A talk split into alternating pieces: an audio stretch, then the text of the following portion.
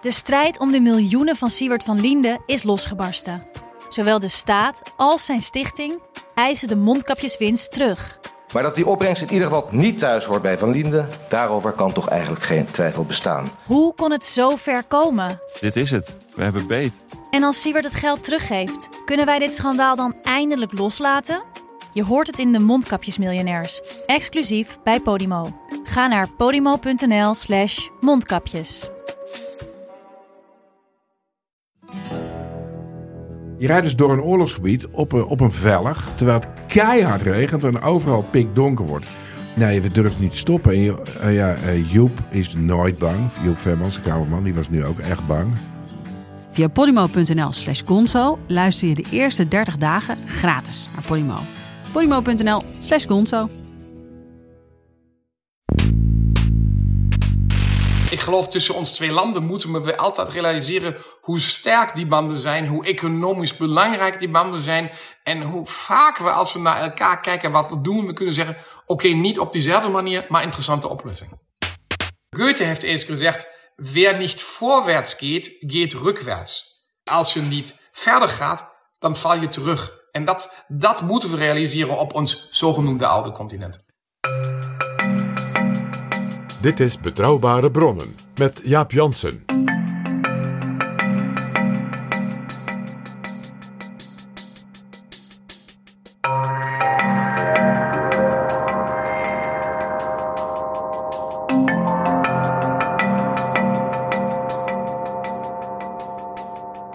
Hallo, welkom in Betrouwbare Bronnen, aflevering 233. En welkom ook PG. Goedendag Jaap. Je begint Duits te praten. Dat hoeft niet, PG, want onze gast zo dadelijk praat Nederlands. Voordat we overschakelen naar Berlijn wil ik graag onze nieuwe vrienden van de show welkom heten. Met een donatie maken zij Betrouwbare Bronnen mede mogelijk. En dat zijn deze week Jan Willem, Marloes, Geert Hinke, Roeland, Rocco, Marjolein, Maarten en Lode. Merci. Wat leuk dat er zoveel van onze luisteraars zijn die zoveel waardering hebben voor wat wij doen. Dit is Betrouwbare Bronnen. PG, in Duitsland hebben ze twee maanden na de verkiezingen een coalitieakkoord voor een nieuwe regering van Sociaaldemocraten, Groenen en Liberalen. En we gaan praten met een van de architecten van dat akkoord. Hij was van de zomer op 15 juli ook al bij ons te gast om vooruit te blikken op de verkiezingen. Welkom terug in Betrouwbare Bronnen, bondsdaglid voor de liberale FDP, Otto Frieke. Van harte bedankt en eh, ja, en, en groetjes vanuit Berlijn vandaag. Bent u, bent u zo'n, ziet u zichzelf als een van de architecten? Want u zat Nou, in een belangrijke, misschien wel de belangrijkste onderhandelingscommissie die voor de financiën. Ja, maar ik zeg één van die 322 architecten die in die werkgroepen zaten. Maar eh, de echte grote architecten zijn natuurlijk die, eh, die, die boven de zeven van iedere eh, partij. Die aan het eind het, het eindresultaat hebben samengepakt. Maar ja, toch, een klein beetje. Ik, ik zat daar in die financiën- en begrotingscommissie. En ik zat ook als woordvoerder in die commissie eh, ehm, eh, van cultuur en, en mediapolitiek. Dus ja, een beetje ja. Maar ik zeg altijd in democratie ben je alleen dan goed als je een deel van het, van het hele bent. We zijn in Nederland al acht maanden bezig met een kabinetsformatie. En ik hoor u regelmatig zeggen dat in Duitsland in de politiek altijd alles later en trager plaatsvindt dan in Nederland. Maar nu he- heeft u ons toch versla- verslagen als Duitsland. In, in Nederland is weliswaar zoals in Duitsland een, een demissionair kabinet. Maar men weet dan toch wel dat in Nederland misschien de nieuwe minister-president ook die oude is. Dus die speelt dan ook een rol in, in de- deze soort van overgang. En in Duitsland is het anders. Daar zit een andere man nu dan in de leiderschapspositie. En eh, mevrouw Merkel zou ja, begin eh, december aan het eind van haar eh 16 jaar komen. En, en daar zat dan misschien ook het verschil met Nederland. En ook natuurlijk moet ik zeggen, het was een echt goed georganiseerde eh, eh, ja, coalitiegesprek. Eh, ik heb heel veel van deze gezien, ook meegedaan. eh 2009 tot 13 heb dat ook op, op, op landelijk niveau in Noord-Rijn-Westfalen gedaan. En op Sillik, het was echt het best gedoorganiseerd eh coalitieonderhandeling eh, die ik eens had gezien. Nou, één ding wat zeker hier in Nederland opviel, omdat hier natuurlijk in de formatie heel veel gepraat wordt over een nieuwe bestuurscultuur, een nieuwe politieke cultuur en transparantie en openheid en alles moet op tafel. Wat nou zo opvallend was, niemand heeft gelekt. Uh, er was helemaal geen uh, geroddel, uh, geen stukken die in de trein bleven liggen. men vond het akelig professioneel als journalisten. Ja, men vond het ook als. Ik, ik, ben nu lid van, van, van de fractie sinds in 2002, langstaande fractielid van de FDP in de Bondsdag. Ik had ook nooit verwacht dat het zo professioneel zou zijn. Hoewel ik zelfs, kijk eens, ik doe begroting en dan moet je altijd ook die negatieve dingen van politiek vaak doen. Zeggen, mooie idee, maar kunnen we niet betalen. Dus ik ben er blij mee als, als men daar eerst zo'n beetje onder elkaar uh, spreekt. En het resultaat dan later, ja, dat moet je dan verklaard. En het resultaat moet dan ook, en dat zie ik dan ook, moet dan ook iets langer zijn dan, dan men bijvoorbeeld in Nederland denkt een, een, een uh, coalitieovereenkomst bij ons in 177 uh, pagina's. En heel veel mensen zullen zeggen, ja, nou er is geen, geen vertrouwen tussen die coalitioneren. Maar het is echt andersom. Omdat men vertrouwt, probeert men heel veel op te schrijven, zodat men naar buiten kan verklaren waar men naartoe wil. En, en men probeert niet te interpreteren wat dit of dat wordt bedoeld. En waarschijnlijk ook omdat de drie partijen een nieuwe coalitie zijn die op die manier nog nooit heeft samengewerkt. Moet het, moet het wel een lang regeerakkoord zijn? Dat ook. Um, en dat moet ik ook zeggen. Dat is een van de grote redenen. Dat, dat ik zeg dat speciaal voor mijn partij, voor de FDP. Um, we hadden op nationaal niveau het laatste keer een, een, coalitie gehad tot 1982 met de Sociaaldemocraten, met de Groenen nog nooit. Eh, op landelijk niveau, ja, daar hadden we een zogenoemde, Nederlanders zeggen vaak stoplicht. Ik zeg Nederlands fout is rijlicht, is een, een toekomstcoalitie. Uh, ja, dus is ja want het, het, het, het, verkeerslicht uh, is uh, in dit geval rood, geel en groen. Dus de drie partijkleuren. Ja, ja, en je moet zien, in Duitsland heb je altijd, als je begint weer te rijden of als je stopt, is er altijd een geel erbij. Zonder geel is het geen ohne, gelb bewe ohne gelb beweegt niks. Ja, zo kun je het wel zeggen, maar dat is ook een beetje wat van, uh, uit het perspectief van de liberalen.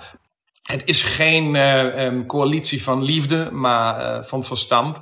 En dat is ook de manier hoe het werkte. En dat moet ik zeggen, tot nu toe ook werkt. Omdat iedereen in de coalitie verklaart hoezo die ander iets op een manier wil dat hij zelfs dus niet wil. Dus hij gaat niet zeggen, we zijn die enigen die, die het juist vinden en dat die anderen zijn stom. Maar het is meer, wij, die anderen willen daar naartoe, wij willen daar naartoe. We hebben daar de, het, compromis gevonden. En dat, dat is tot nu toe, werkt dat. Eh, want dat weten jullie twee ook. Eh, politiek is aan het eind altijd een compromis. En die kun je alleen maar doen als je die andere ook een beetje snapt. Dan weet je ook waar je stapjes in die richting van hem doet. Nog even over de relatief korte duur van de Duitse onderhandelingen.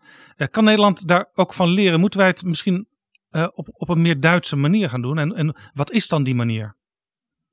Nou, eh, aan het eind zeg ik eh, altijd tussen ons twee landen, er zijn mentaliteitsverschillen die, die we vaak niet zien, maar zijn ook dingen waar we gelijk zijn. Het, het, het Duitse gründlichkeit is, is daar zo'n woord, dat zeg ik dan ook op het Duits. En daar moet je echt opletten te zeggen, dat is, ja, ja, hoe zou je het zeggen? Dat is de manier hoe we het gaan doen de komende weken. En, en tot dan zijn we door en dan moet dat daar zijn. Die pagina's moeten voor iedere werkgroep zo en zoveel zijn. De kleinere werkgroepen vier pagina's, de grotere werkgroepen die we definiëren zes pagina's. Is heel Duits, maar verklaart natuurlijk ook naar die mensen die in de werkgroepen zitten, maar ook naar buiten. Oké, die hebben een idee en een plan. En, en daar zie ik dan een verschillende mentaliteit. Hè? In, in, in Duits zeg je, uh, zo machen we dat, Schluss. In Nederland zeg je, ja, een beetje, okay, een beetje ordentlich. Ja, en, uh, ja. en op, op Nederland zeg je, laat eens nou over praten. En, en dat was dan heel, heel duidelijk van het begin. Nee, deze manier gaan we niet doen. Want dan zijn we uh, uh, een deel van de mensen die, die samenwerken zo zeggen... laten eens wachten, dan komen wij aan het eind. En je weet ook, tijd is ook een manier om inhoud in een papiertje te brengen. En, en dat was toen natuurlijk niet mogelijk. En je kan het ook zien binnen de papieren van de werkgroepen die naar de bovenwerkgroep gingen. Daar had je ook kunnen zien ja, waar zijn ze eens? Dat was dan wit zwaard. Um, waar is één partij er tegen? Dat was dan door uh, en, en, en, en de kleur van de partij daarachter. Of als er alleen maar één van die drie partijen ervoor was, was het alleen maar met de kleur in de achtergrond in de tekst. Oh, dus de, de heel, heel techniek, maar, ja. maar aan het eind, als je dan ziet in het resultaat, niet slecht. U maakte dus als zeg maar subwerkgroep een papier van vier Ja. pagina's of van, van, van acht, als een hele grote hè, Ja. finans- financiën. En als dan bijvoorbeeld de Groenen zeiden: wij willen een hele zware extra belasting op, eh, op, op kolenkachels. Dan, en de anderen zeiden dat willen we niet. Dan stond dat in groen als het ware gearseerd. Als Ja. een, een ding waar u het niet over eens was geworden van de kant van de Groenen. En ook iets in geel en ook iets in rood. Ja, ja, en daardoor, daardoor hadden dan ook die, die in de die, die topwerkgroep zaten, hadden kunnen zien, oké, daar is nog heel veel groen. eh, en, en, en die willen heel veel. En, en het derde natuurlijk ook, als de groenen dan iets wilden, ehm, wat ze alleen willen, moeten ze ook een, een, een, een price tag, een, een, een, een prijs erop schrijven in een, in een extra papiertje. Hoeveel zou dat kosten? Want dat weten we ook aan het eind. Je kan een, een coalitieovereenkomst schrijven waar duizenden van fantastische dingen binnen staan, waar iedereen eh, waar- Jan Modaal zegt, ja, ik wil nog dat en dat op de straat en dat eh, eh, met vakantie en dat met betalen. Nee, dat hebben we daardoor ook niet gedaan. En, en dus daardoor weet je het ook hoe duur het dan zou worden of niet. Was dat in het algemeen gedurende het grootste deel van die vijf weken het beeld dat er toch vooral heel veel groen nog steeds op die papieren te zien was? Het was zeker het meest groen, maar niet zoveel meer dan geel. Eh, Rood was, eh, ja, niet zo vaak. Het was ook een beetje afhankelijk van de werkgroepen. Kijk, ik had de, de werkgroep Cultuur en Media, als ik had gezegd, dat was aan het eind, maar heeft ook heel veel met, ermee te doen dat het vier heel langstaande professionele mensen waren. Ehm, hadden we een, een witte papier. Zonder, zonder groen en, en zonder geel en zonder rood. Maar als het over sociale zaken was, was er toch heel veel waar alleen maar geel er tegen was. Als het over financiën was, was het bij de belastingsvraag meer groen. Was het bij, bij de begrotingsvragen meer geel.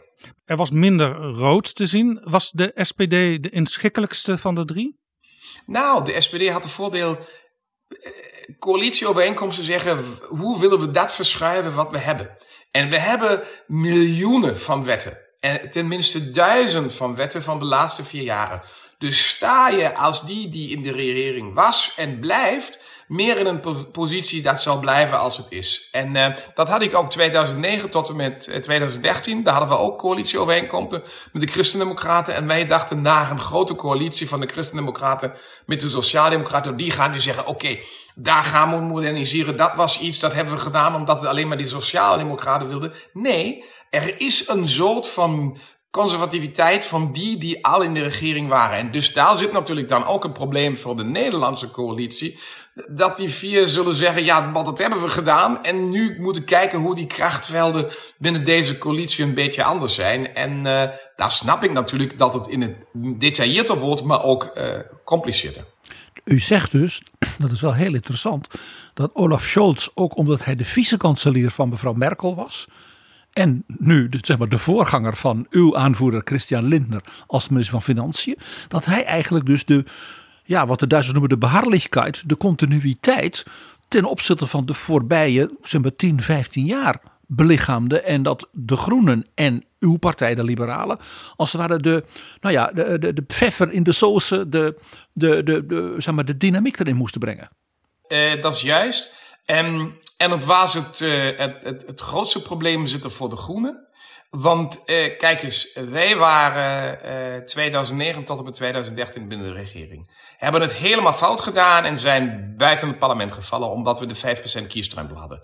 Dan zijn we weer teruggekomen in 2017 en nu 21 zijn we in de regering en twee keer boven de 10%, vergelijkbaar Nederland, boven de 15 zetels.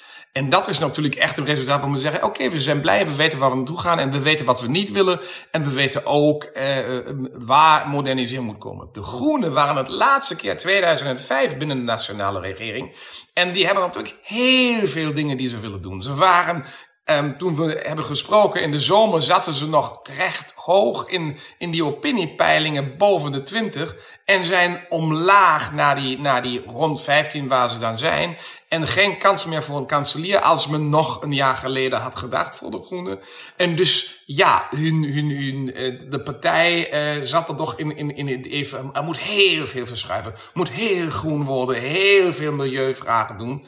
Ja, en dat, dat zie je dan ook in het resultaat van, van uh, de coalitieovereenkomst. Maar natuurlijk niet zoveel als ze in totaal willen hebben. Maar goed, ze hebben ook in totaal niet zoveel stemmen dan gehaald. Hoe is het om als uh, liberale partij, dus zeg maar aan de, toch een beetje aan de rechterkant van de coalitie, uh, tegenover twee linkse of progressieve partijen te staan?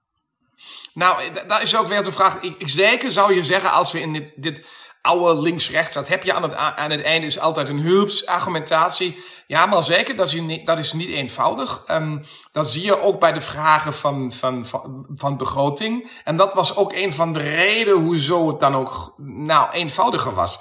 Want we hadden natuurlijk een, een papiertje na de eerste twee weken gehad. Een sonderingspapier waarbinnen stond in welke grenzen men gaat werken. Die Duitse schuldenrem blijft bestaan en de belasting gaat niet omhoog. En daardoor wisten we dan ook als liberalen, oké, al die ideeën die heel vaak van linkse kant komen om meer uit te geven, die hebben een rem. En dat is een, een levensverzekering voor een liberale partij als je in zo'n um, coalitie gaat waar de andere twee partijen meer links zijn. En, en dus ja, ik zou zeggen, is goed. Van de vraag van progressief, ik geloof daar zit het verschil wat ik heel vaak uh, Nederlands moet verklaren. De, de, de, de, VVD wordt altijd de zuspartij van de FDP genoemd. En dat is juist. Maar D66 is het ook. We zijn als liberale Duitse partij, noemen we ons zelfs ook een, een progressieve partij. En we zijn die twee. We zijn het economische liberaal en de ook uh, uh, maatschappelijk liberaal. En, en dus is het over de vraag van progressiviteit, is het dan eenvoudiger voor ons. Ja, je zou misschien kunnen zeggen, u heeft als FDP het fiscaal conservatieve van de VVD en ja. het maatschappelijk progressieve van D66. Eens. En de Groenen zijn natuurlijk gewoon een liberale partij voor, uh, voor. Die het goed, goed opgeleid zijn, die behoorlijk goed verdienen. En die zijn dus ook helemaal niet zo vreselijk links als de beelden van Petra Kelly en zo van vroeger. Nee, helemaal niet. Ik zeg altijd, de, de, omdat er geen D66 in, Duitsland is, ook een vraag van de kiesdrempel, zijn, is de FDP uh, een deel van dat wat D66 is is, zijn de Groenen uh, in Duitsland een deel van wat D66 en de Sociaaldemocraten. En daar zit zeker het verschil. Ik als liberaal zou zeggen, nou ja, nou, uh, het is echt een liberaal partij, zoals ik, als ik denk dat het ook nodig is. Waren wij als FDP twee partijen boven de kiesdrempel, denk ik ook dat twee liberale partijen zeker nog beter zullen staan in, in die opiniepeilingen in Duitsland. Maar daardoor is een deel van het um, liberale burgertum, als je het zo mag noemen, is bij de Groenen. Ik hoorde dat in de onderhandelingen de Groenen een beetje verbaasd waren uh, dat de SPD nogal makkelijk omging met een aantal eisen van de FDP. En dat had ermee te maken dat de SPD al eerder met de FDP geregeerd had. Ja en nee. Um, ik geloof aan het eind de Sociaaldemocraten zaten ook vroeger vaker in een regering met, met de FDP. We zitten met de Groenen en de SPD in Rijnland-Pfalz in een coalitie. We doen dat ook in, in Noord-Westfalen heel vaak op, op stedelijk niveau. En daardoor wisten heel veel Sociaaldemocraten, oké, okay, met een, met een liberaal kun je dan een compromis vinden. Zou keihard werk zijn, maar aan het eind bestaat het ook. En natuurlijk was de idee van, hey, wij Groenen en de Sociaaldemocraten een beetje vergelijkbaar als met die discussie uh, die jullie, ik geloof, drie maanden nog, uh, geleden nog hadden tussen Sociaaldemocraten en Groenen in Nederland. Ja, we zijn nog heel dicht bij elkaar, dus gaan we het doen en dan gaan we met de uh, twee keer, met, met, met ons twee tegen die liberalen aan. En dan uit te vinden dat dat op bepaalde plekjes niet zo was, was ja, voor Groenen vaak verrassend. En voor de Sociaaldemocraten, ja, daar zit het nou altijd met de, met, met, de vraag, ja, wat is een liberaal? Uh, en, en, en daar is ook vaak het beeld, die is ver rechts. En dan moet je dan herkennen, ja, dat is ook niet ver rechts. Is ergens rechts van de Sociaaldemocraten, maar toch niet rechts. U liet het woord al even vallen. Er was een sonderingsfase. Waarin als het ware de grote lijnen, ze hebben de grenzen van de toekomstige vier jaar en coalitie worden bepaald. Dat kennen wij niet. Wij kennen in Nederland wel verkenners. Maar ja. dat die een programma maken dat als het ware de grote lijn bevat, niet. Wie doet dat sonderen? Want dat doet niet meneer Scholz en meneer Lindner, toch? Die partijen doen dat onder elkaar. Wat, wie is die partijen in dit geval bij zo'n sondering, zo'n, ik mag zeggen, informateursgesprek zonder informateur? Ja, het was in en, eerste instantie ook nog ingewikkeld in Duitsland, want er waren in feite uh, twee grote partijen. De oude leidende partij CDU-CSU En Ja. de partij van de Sociaaldemocraten, die nu net iets groter was geworden. Dus het was ook nog de vraag: wie gaat uiteindelijk echt de leiding nemen? Ja, en, en dat is in, in, in deze zonderingsfase, zoals we het noemen, is die vraag die begint met wie nodigt wie voor een gesprek uit. En um, zullen dat die Sociaaldemocraten uit de grootste partij zijn? Zullen dat die Christendemocraten uit iets minder grote partij zijn? Nou goed, dan begint met de Sociaaldemocraten. Maar hier was iets bijzonders wat gebeurde. En dat denk ik was heel intelligent van um, de, de Groenen en de uh, Liberalen. Uh, omdat die samen groter waren als de Sociaaldemocraten of de Christendemocraten. Nog nooit gebeurd. Hebben die gezegd, hé, hey, weet je wat? We twee gaan samen met elkaar spreken. Die hebben dan ook een klein foto gedaan. Um, de secretaris-generaal van de FDP, uh, meneer Wissing uit Rijnland-Pfalz, die in een ampelcoalitie zat. En meneer Lindner, ons partijvoorzitter, meneer Habeck en mevrouw Baerbock. En die hebben een fotootje gedaan. De foto was alleen maar een symbool, maar was belangrijk te zeggen... Wij spreken met elkaar, dan gaan we spreken met de Sociaaldemocraten, we gaan ook spreken met de Christendemocraten. Om dan te bepalen met wie het mogelijk zou zijn verder te spreken op het sonderingsniveau. Die Christendemocraten hadden het probleem dat aan het eind er geen leiderschap meer was. Uh, men wist dat de kanselierskandidaat aan het eind was, hoewel er groot vertrouwen van de uh, liberalen in uh, meneer Laschet was. Dus ging het samen dan met de Sociaaldemocraten. En daar zat het dan. En dat is belangrijk voor zo'n sonderingsgesprek. Die secretaris-generaal van die partijen, die wordt anders genoemd bij de Groenen. En ja, het bestuur van de partij, maar de hoogste deel van de partij. Dat waren tien van ieder partij. Um, en, en die hebben dan samen gezeten en deze, dit, dit papier opgeschreven. Dat gezegd heeft, oké, okay, binnen deze raam, daar wordt een uh, ja. nieuwe coalitie. Maar u heeft dus eigenlijk de twee grootste partijen voor het blok gezet. En ge gezegd, uh, wie heeft ons het beste te bieden? Op een bepaalde manier ja. Uh, want er moet je ook één ding zien. In, in Duitsland had je altijd één grote partij die in de regering zat. Uh, boven de 35 procent. En één klein uh, coalitiepartner bij of een grote coalitie. Dus niet zoveel splintering als in Nederland. En dan was het idee, de grote partij zei, hey, klein, je mag meedoen. Hier krijg je ook 1, 2, 3 ministers, is goed. Ja, op bepaalde plekjes kun je ook inhoudelijk een beetje wat doen. Maar in het geheel zijn wij die, die leiden. Ja, maar moet je eerlijk zeggen, dat is voorbij als de grootste partij uh, niet zo groot is als de twee kleinere partijen samen, moeten die, partij, die kleinere partijen ook realiseren, hey, we zijn niet zo zwak en we laat, doen ook nog het speeltje van wie van ons kleine gaat met die grote en wordt daardoor die grote en die andere wordt die helemaal kleiner. En, en dat, dat heeft gewerkt tot nu toe. Het wordt heel belangrijk voor de toekomst van de coalitie dat die twee kleine partijen, hoewel ze vaak uh, ver van elkaar inhoudelijk zijn, samen contacten hebben, samen met elkaar spreken voordat ze met de grote spreken. U, zegt hier in feite, even vanuit de procesgang van zo'n formatie, dat dus die hele belangrijke strategische fase van de zondierung in feite gebeurt door het partijbestuur en niet door de fractie. Klopt, absoluut.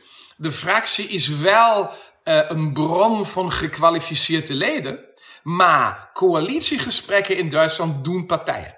Dat is helemaal klaar. Natuurlijk moet aan het eind die fractie, de bondskanselier, kiezen. Maar de partijen zijn daar in de sterke positie. Ik zelf ben ook lid van het bestuur, van het wijde bestuur, rond 40 mensen van de partij. Maar dat weten we ook, die, die voorzitter, vicevoorzitter, secretaris-generaal en nog twee, drie andere, uh, uh, die zitten natuurlijk in, in, in die echt belangrijkste positie. Hoewel, dat is belangrijk weer, de fractievoorzitter is ook altijd deel van de hoge groep van het bestuur om zo de contact binnen de fractie uh, te hebben.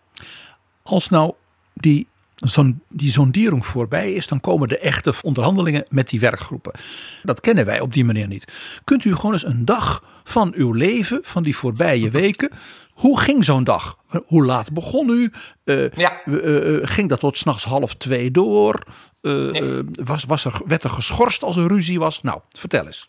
En hier zijn we weer typisch Duits. Zelfs dat was gereguleerd. We, het was tijdens de week van morgens het negen tot vijf. Als het half zes was, oké, maar geen nachtdingetjes. Want als je s'nachts doet, dan gebeuren die fouten. Dan gaat het over wie is het sterkste, wie doet welke tricks en wie doet wat. Dus hadden we daarvoor dan eh, eh, rond twee weken tijd. En dat bedoelde Uh, je, je, ja, goed, oké, goed. Ik persoonlijk ben iemand die heel vroeg opstaat. Een beetje kijkt wat, wat die dag daar gebeurd is. Uh, of die nacht, of wat dan ook.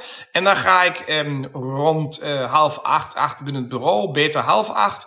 En spreek dan met mijn team over de vragen welke dingen inhoudelijk kunnen gebeuren. En dan gaat het om negen uur um, naar die plek waar die werkgroepgesprekken stattvonden. Dat was meestal niet in de Bondsdagsgebouwen, maar het was meestal in de zogenoemde ambassade van de lender. Uh, de lendervertretungen. Ik was heel vaak in Rijnland-Pfalz. Die hebben dan ook, een mooi gebouw waar je kan doen. En dan zaten we eerst samen met, met ons eigen werkgroep. Um, en later dan met die andere werkgroepen samen. Van iedere partij waren er um, vier of in de grotere groep financiële uh, begroting uh, zes. En een zogenoemde Sherpa en een zogenoemde, uh, ja, hoe zeg je dat op, op, op Nederlands, een, een protocollant. Um, en die waren erbij. En, en we hadden erbij ook een, een digitale groep altijd in de achtergrond. Om ook de achterbaan die gekwalificeerd zijn een beetje te informeren. Hoe zien jullie dat? Hè? SPD zegt gaat in die in die richting. Gaan we dan mee? Waar zien, zien jullie die, die problemen? Wat doet zo'n Sherpa? Een Sherpa schrijft alle dingen mee, maar wat hij ook doet is aan het eind te snappen was, wat, wat was de bedoeling van het gesprek. Waar wilde men naartoe? Waar zijn problemen? De Sherpas zijn heel vaak uh, uh, medewerkers, vaak van de fractie ook, um, um, die weten wat is in de laatste vier jaar gebeurd, wat staat in die programma's? Hebben ze zelfs meegewerkt om die programma's van de eigen partij op te stellen? Of het zijn nog mensen die als ambtenaren werken. Wel is waar hebben we gezegd, niet te veel ambtenaren, want we willen geen ambtenaars. Coalitieovereenkomst aan het eind hebben, uh, wel meer aan politieke. En dat werkte dan heel fijn.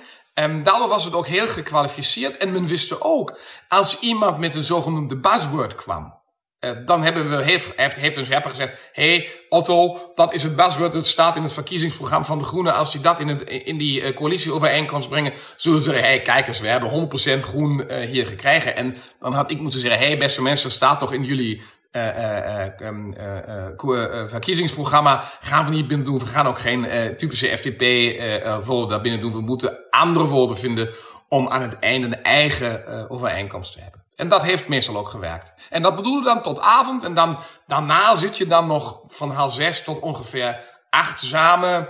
Uh, uh, om, om nog een beetje, wat hebben we gedaan? Waar zitten nog problemen? Met wie moeten we nog spreken? Wat moeten we naar boven geven? Um, ja, en dan uh, acht uur, dan ga je ja, terug naar je kantoor. En dan werk je nog tot tien, elf om die normale dingen van de dag weg te doen. en ja, dan begint het weer de volgende dag.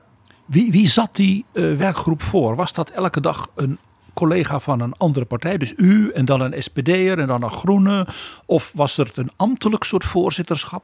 Ik, ik kan voor die werkgroep zeggen waar ik, waar ik woordvoerder was. Dat was uh, uh, cultuur en media. En daar hebben we, hebben we iedere rond drie, vier uurtjes hebben we uitgewisseld. Uh, want als je te lang dan die leider bent, dan, dan word je ook moe. En dan moet je altijd opletten, moet je kijken wie wil wie, wat zeggen, waar zijn we. Zegt een van die protocollanten of van die chappers, hé, stop, stop, stop, ik heb nog iets. Dan moet je echt, dan moet je 150% uh, uh, uh, actief zijn. En, en nee, en dan hebben we dat dan na drie, vier uurtjes afhankelijk waar we inhoudelijk waren. Hè? En een inhoudelijk ding hebben we, heeft iemand doorgedaan. En als een nieuw uh, inhoudelijk vraag kwam, dan hebben we dan uitgewisseld. Dus ook dat was, dat was heel professioneel. Bij ons in de groep was dat tussen die drie. Meneer Brosta, die minister van Cultuur in Hamburg. Um, uh, Claudia Rood, vicepresident, nog vicepresident uh, van uh, de Bondsdag voor de Groenen. In toekomst dan staatsminister voor Cultuur, zoals het uitkijkt. En, en ik. Um, en, en dat was dan, ja goed, Heel professioneel moet ik zeggen. En als er ruzie was, om even dat ook nog te zeggen. Het was geen enkele keer een, echte ruzie van hey, hier, ik moet dit en, en, dat doen en ik ben de sterkste en de beste en, en, en al deze dingen. Maar als er problemen kwamen waar het te agressief wordt inhoudelijk, hebben we gezegd, ik geloof we gaan een beetje stoppen, een doen of zoiets. En, en, en misschien moeten we eerst meer weer over elkaar spreken wat we werkelijk aan de achterkant willen. En dat was heel vaak dan ook de oplossing. Dus er was wel degelijk af en toe een stoplicht. Ja, het was een soort van, van ja, nou ik zou meer zeggen een geel blinkend licht. Uh, En uh, dan let je op, dan rij je langzamer en dan kijk je wat gebeurt. U zat ook één keer uh, heel eventjes op het allerhoogste niveau mee te praten. Waar ging dat toen over? Um, um, ja, het was zo. Als, als de, de, de topgroep zegt: Oké, okay, hoe, hoe gaat het verder? Waar zitten we? Dan, dan zeggen ze ook, eh, oké, okay, nu gaan we over begroting spreken. Ik ben woordvoerder begroting. Ik doe begroting sinds 2002. En, en dan wilden ze me dan nog een beetje hebben zeggen, hey, hoe zien jullie dit en dat? Hoeveel gaat dit kosten? Die zeggen, het gaat zoveel. Um, en dan moet je natuurlijk ook zien, um, de toekomstige bondskanselier is een voormalige minister van Financiën dan. En nu een demissionair minister van Financiën. Olaf Scholz. Die weet, die weet, Olaf Scholz, die weet heel veel daar. En uh, ja, in de vraag van begroting minder in de vraag van belasting, wat deel van financiën is. Maar in de vraag van begroting denk ik dan toch dat ik daar een goed tegenspeler ben. En dan zegt de topgroep, kom eens mee uh, als we erover praten. En, en, en, maar aan het eind, dat moet je wel weten. Om aan het eind een compromis te doen in de laatste twee, drie dagen, waar het ook lang nachts ging. Niet in de werkgroep, maar in de topgroep. Daar moet je het alleen dan doen, want anders uh, uh, ja, vind je ook geen oplossing.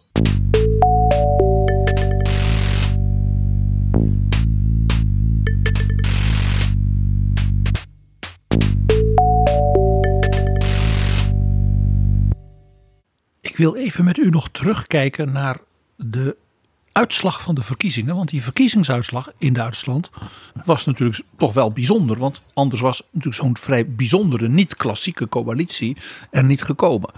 Uh, wat mij misschien ook wel als Nederlander als eerste opviel.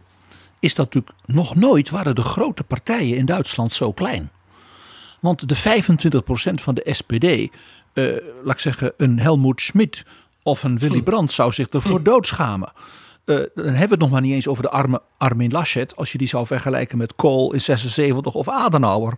En zelfs Merkel in uh, 2013. Uh, dus die grote partijen zijn voor Duitse begrippen klein.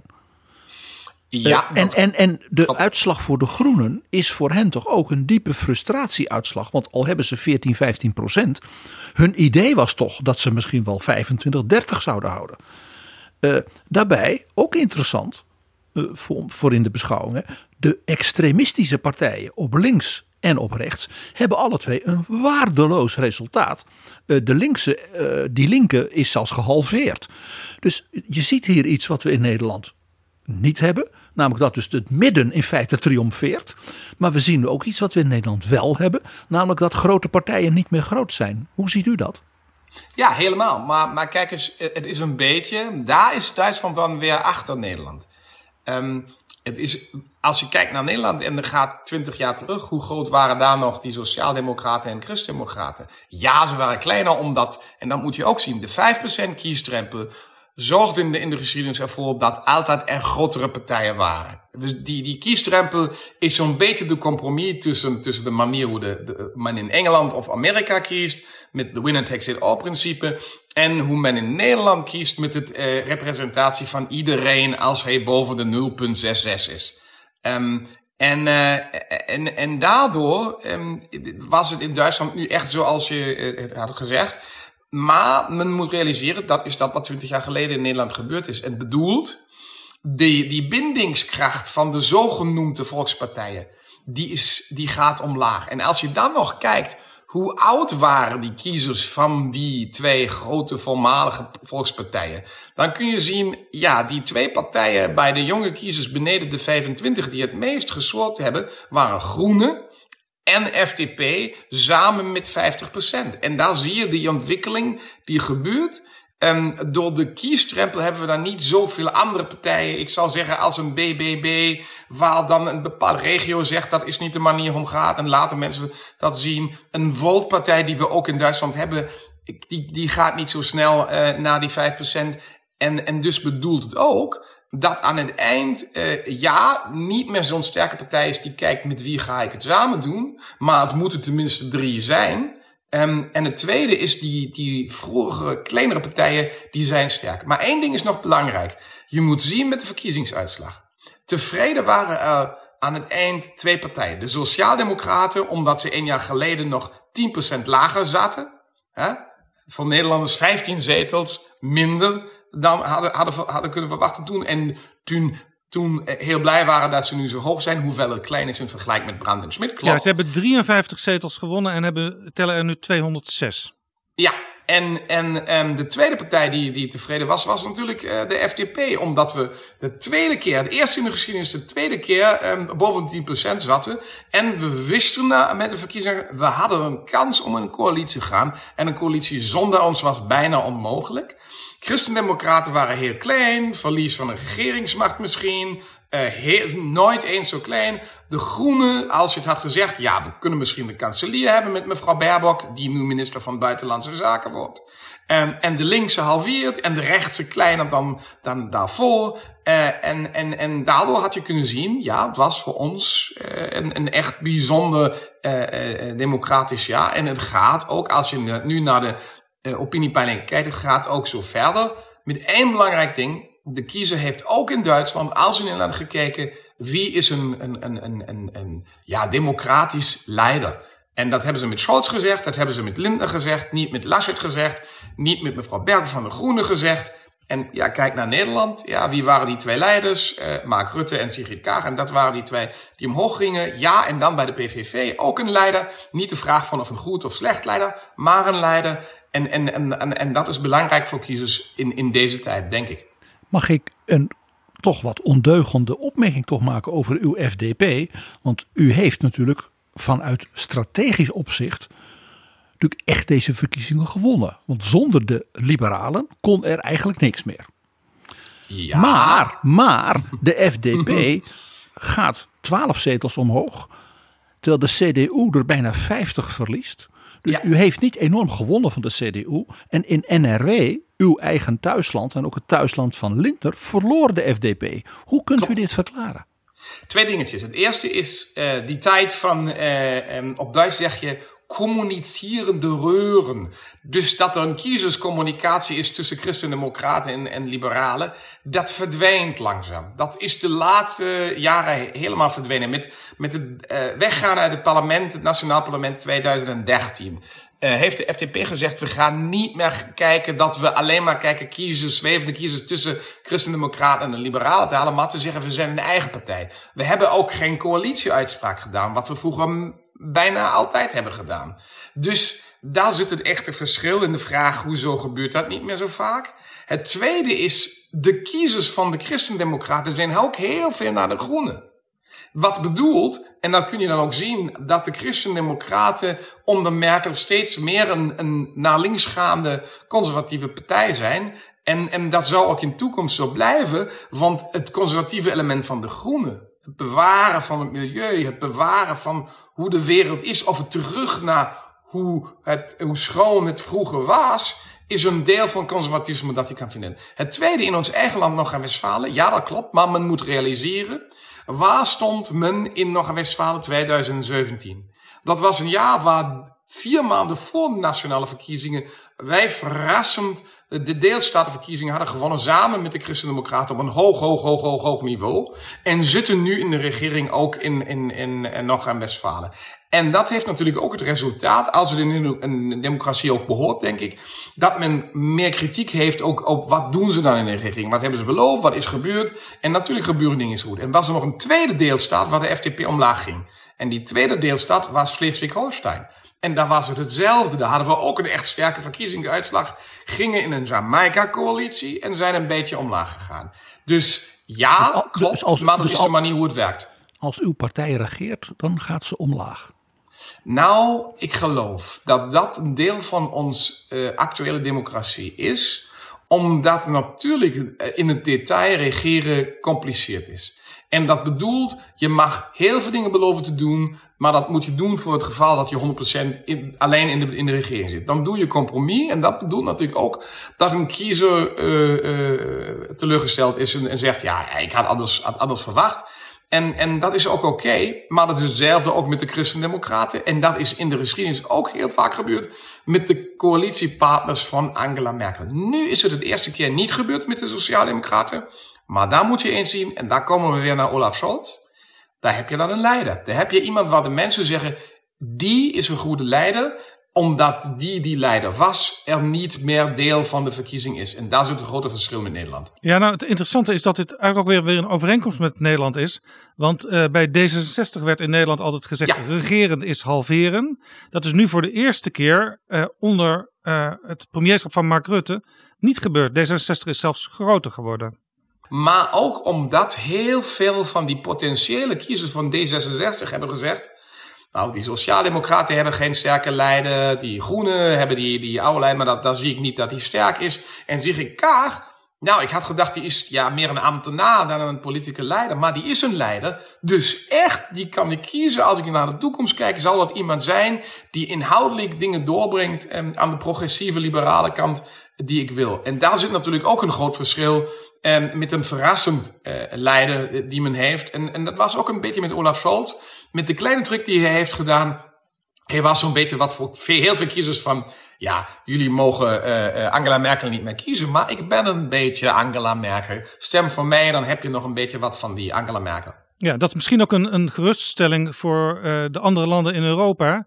Dat Merkel weliswaar vertrekt, maar dat, dat de geest van Merkel nog blijft. Ja, met zekerheid. En ook, omdat, en, en ook dat Scholz als minister van Financiën zegt de, uh, nummer 1 zijn de minister-president en kanseliers. Nummer 2 zijn, zijn de finansministers voor Europa. Uh, die zijn het sterkst binnen en, en daardoor weet hij ook wat op Europees uh, niveau van belang is. Hoe men communiceert, hoe men beter niet communiceert. Dus ja, en dat bedoelt ook voor Europa, het is niet een, een revolutie, niet een, van een rechtsconservatieve naar een linkse partij, maar een, van een meer, meer ja, dat weet je met Merkel nooit, conservatieve leider naar een, een meer conservatieve sociaaldemocratische leider. Laten we kijken naar het coalitieakkoord. De titel is Meer Fortschrittwagen, meer vooruitgang aandurven. Wie heeft die titel bedacht? Uh, nou, ik weet persoonlijk wie het heeft bedacht, maar dat zou ik nooit zeggen. Willy eh, Brandt? Uh, de geest van Willy Brandt. het, is ook een, het gaat ook een beetje naar Willy Brandt. Nou ja, maar natuurlijk. natuurlijk uh, Want Willy meer... Brandt zei ooit meer democratie wagen. We willen meer democratie wagen. Absoluut. En, en die, die vraag hoezo dan democratie en nu voortschritt. Omdat de vraag in Duitsland de grote discussie is we zijn achteraan gevallen. We zijn niet meer het, het uh, uh, techniek leidende land. We zijn niet meer het land waar dingen functioneren. We zijn met digitalisering achteraan. We zijn in de vraag, uh, maatschappelijke vragen. Hoe leven we met elkaar? Migratie, integratie. Daar zijn we echt achteraan. Daar waren die, die laatste acht jaren Merkel um, waren dan niet zo sterk als ze hadden kunnen zijn. Maar ze waren meer van kleine stapjes. En dat, dat is zoals in iedere democratie, als je alleen maar kleine stapjes doet, moet op een bepaald moment natuurlijk echt aan iets gebeuren, anders uh, val je terug. En dus te zeggen het woord uh, uh, vooruitgang daarin te brengen en dan nog een beetje wat van Willy Brandt, dat was toch iets wat, wat, wat goeds was. Waar groene, liberalen en natuurlijk dan sociaaldemocraten, redens de referentie naar Willy Brandt, heel goed het dan kunnen vinden. Er is ook een ondertitel in het Nederlands Verbond voor Vrijheid, Gerechtigheid en Duurzaamheid. Klopt het dat daar in de drie lijnen van de drie partijen uh, verwoord ja, staan? Natuurlijk, dat is, uh, dat is, dat is klassiek, hè? vrijheid, liberaal, uh, gerechtigheid, klassieke sociaaldemocraten. En, en, en, en, en dan moet natuurlijk ook iets voor de groenen van, van de milieuvraag nachhaltigheid zijn. En, en daardoor heb je dan ook een, een, een juiste uh, ondertitel.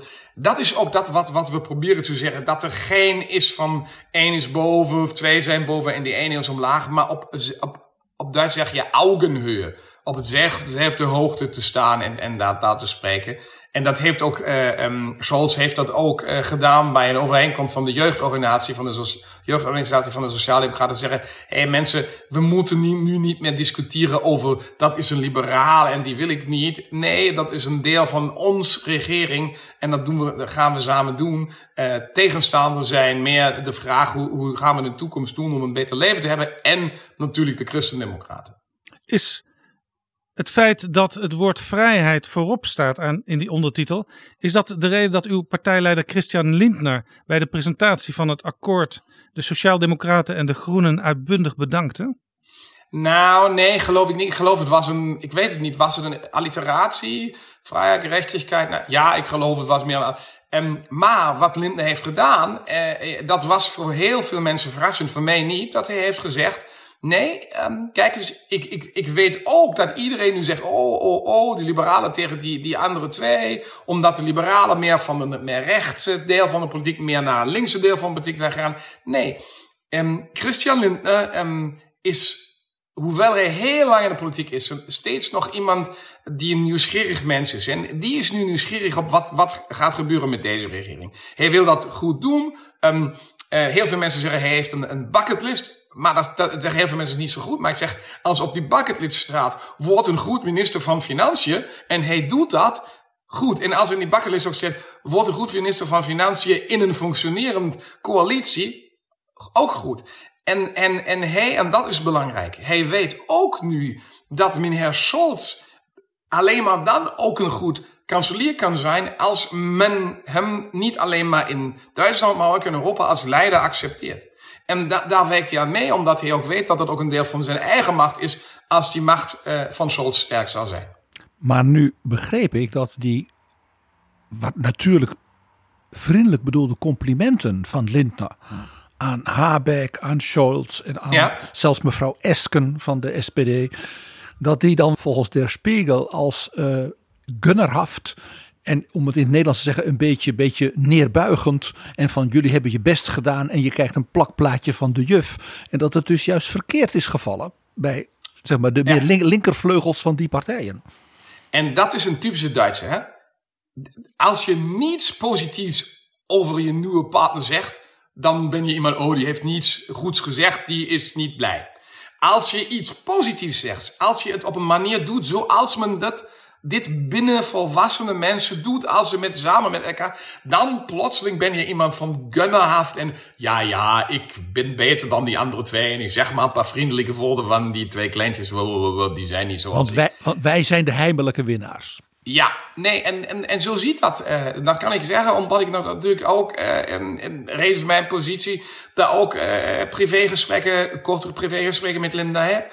Um, Christian Lindler verstaat het als, Scholz is niet uh, die sociaaldemocraat die nu kanselier moet worden omdat hij... Nee, die zegt ook dat is iemand die heel lang in de politiek zit, ervaring heeft, intelligent is, keihard werkt, dingen goed doet en die ook die coalitie wilde. En, en dat, ja, dat snappen heel veel mensen niet, dat een politicus een verschil kan maken tussen wanneer moet ik vechten, wanneer moet ik werken en wanneer moet ik mens zijn binnen zo'n coalitie. Ik hoor heel veel over Olaf Scholz en dat begrijp ik. Ik hoor geen woord van u over Robert Habeck. Is dat toeval?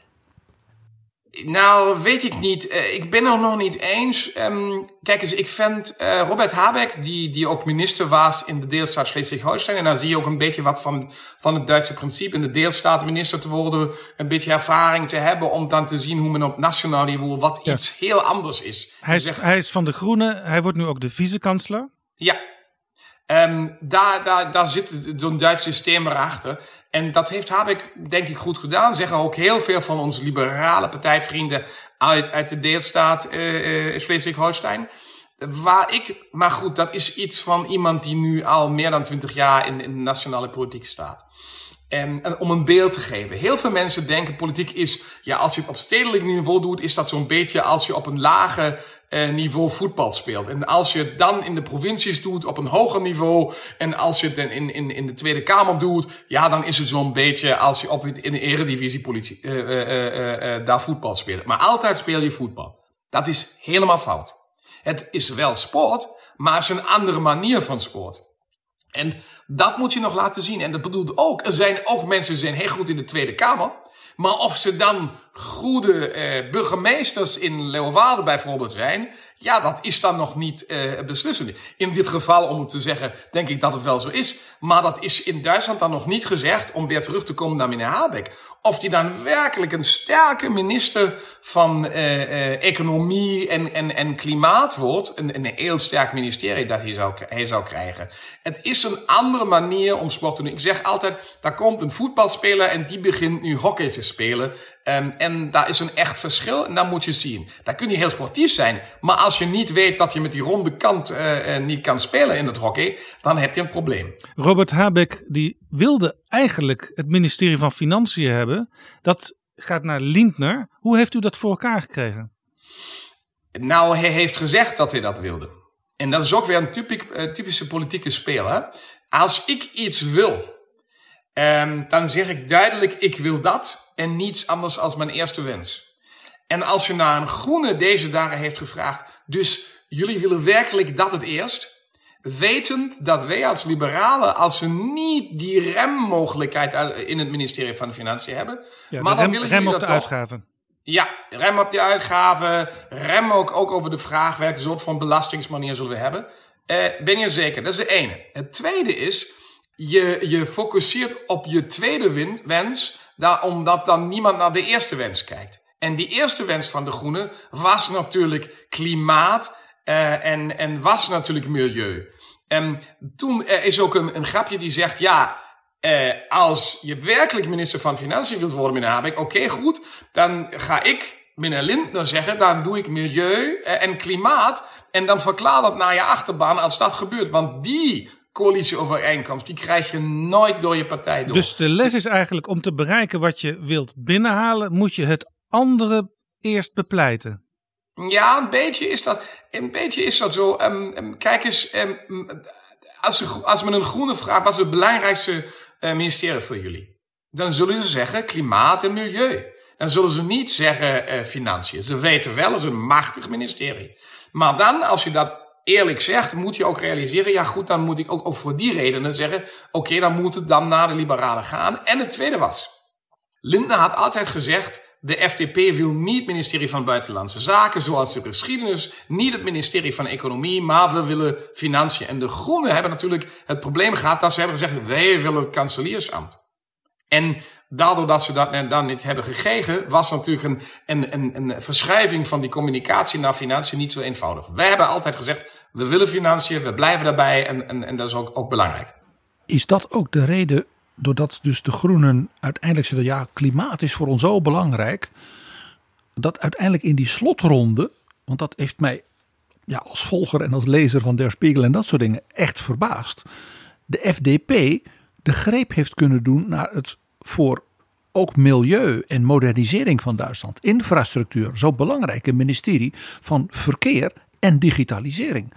Terwijl men bij de Groenen er min of meer vanzelfsprekend van uitging dat zij dat zouden nemen.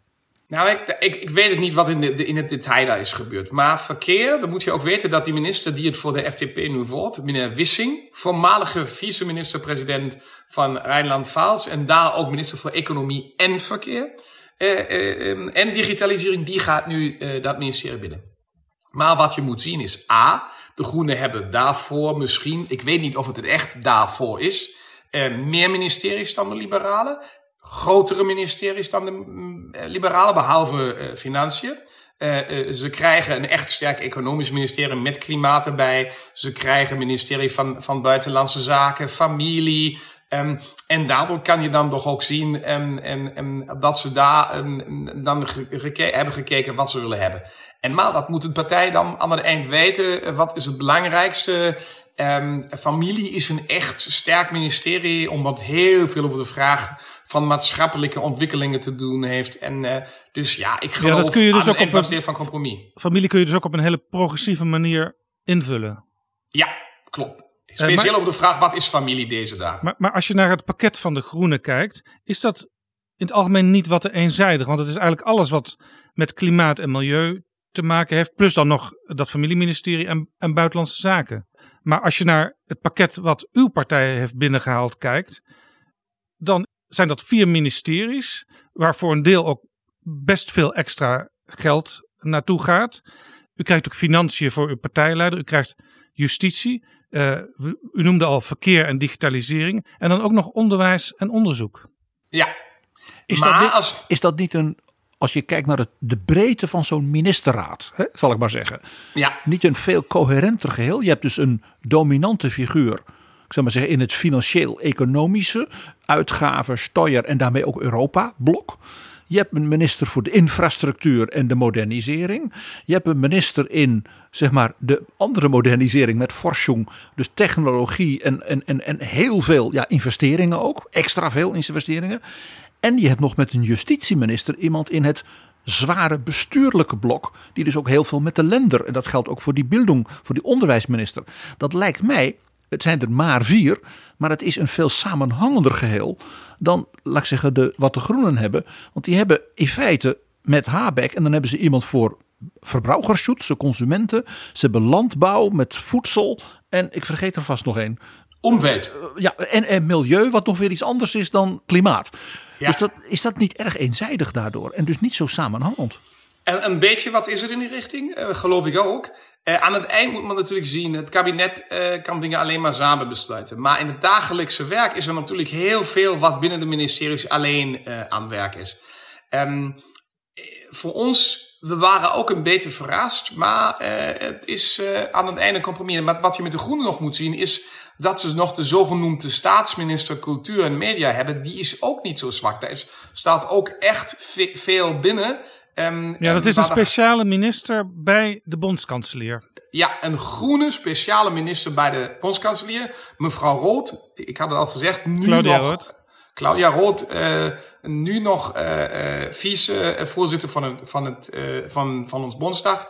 En um, ja, maar, daardoor, en, maar dat was het idee van de Groenen op die, die manier te doen. Um, landbouw was ook echt interessant. heel veel van de boeren vrezen natuurlijk wat daar zou gebeuren. En ik moet ook zeggen, dat wordt ook nog echt interessant. Want we hebben die stikstofdebat nog niet in Duitsland, die zou komen. Ja, dat staat ook eigenlijk niet in het akkoord, hè? iets over stikstof. Ja. Dat is raar, want in Nederland heeft het een enorme crisis veroorzaakt.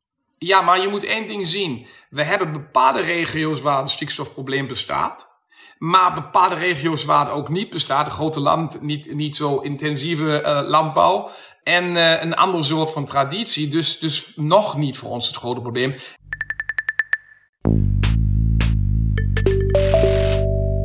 Dit is Betrouwbare Bronnen. Een podcast met betrouwbare bronnen.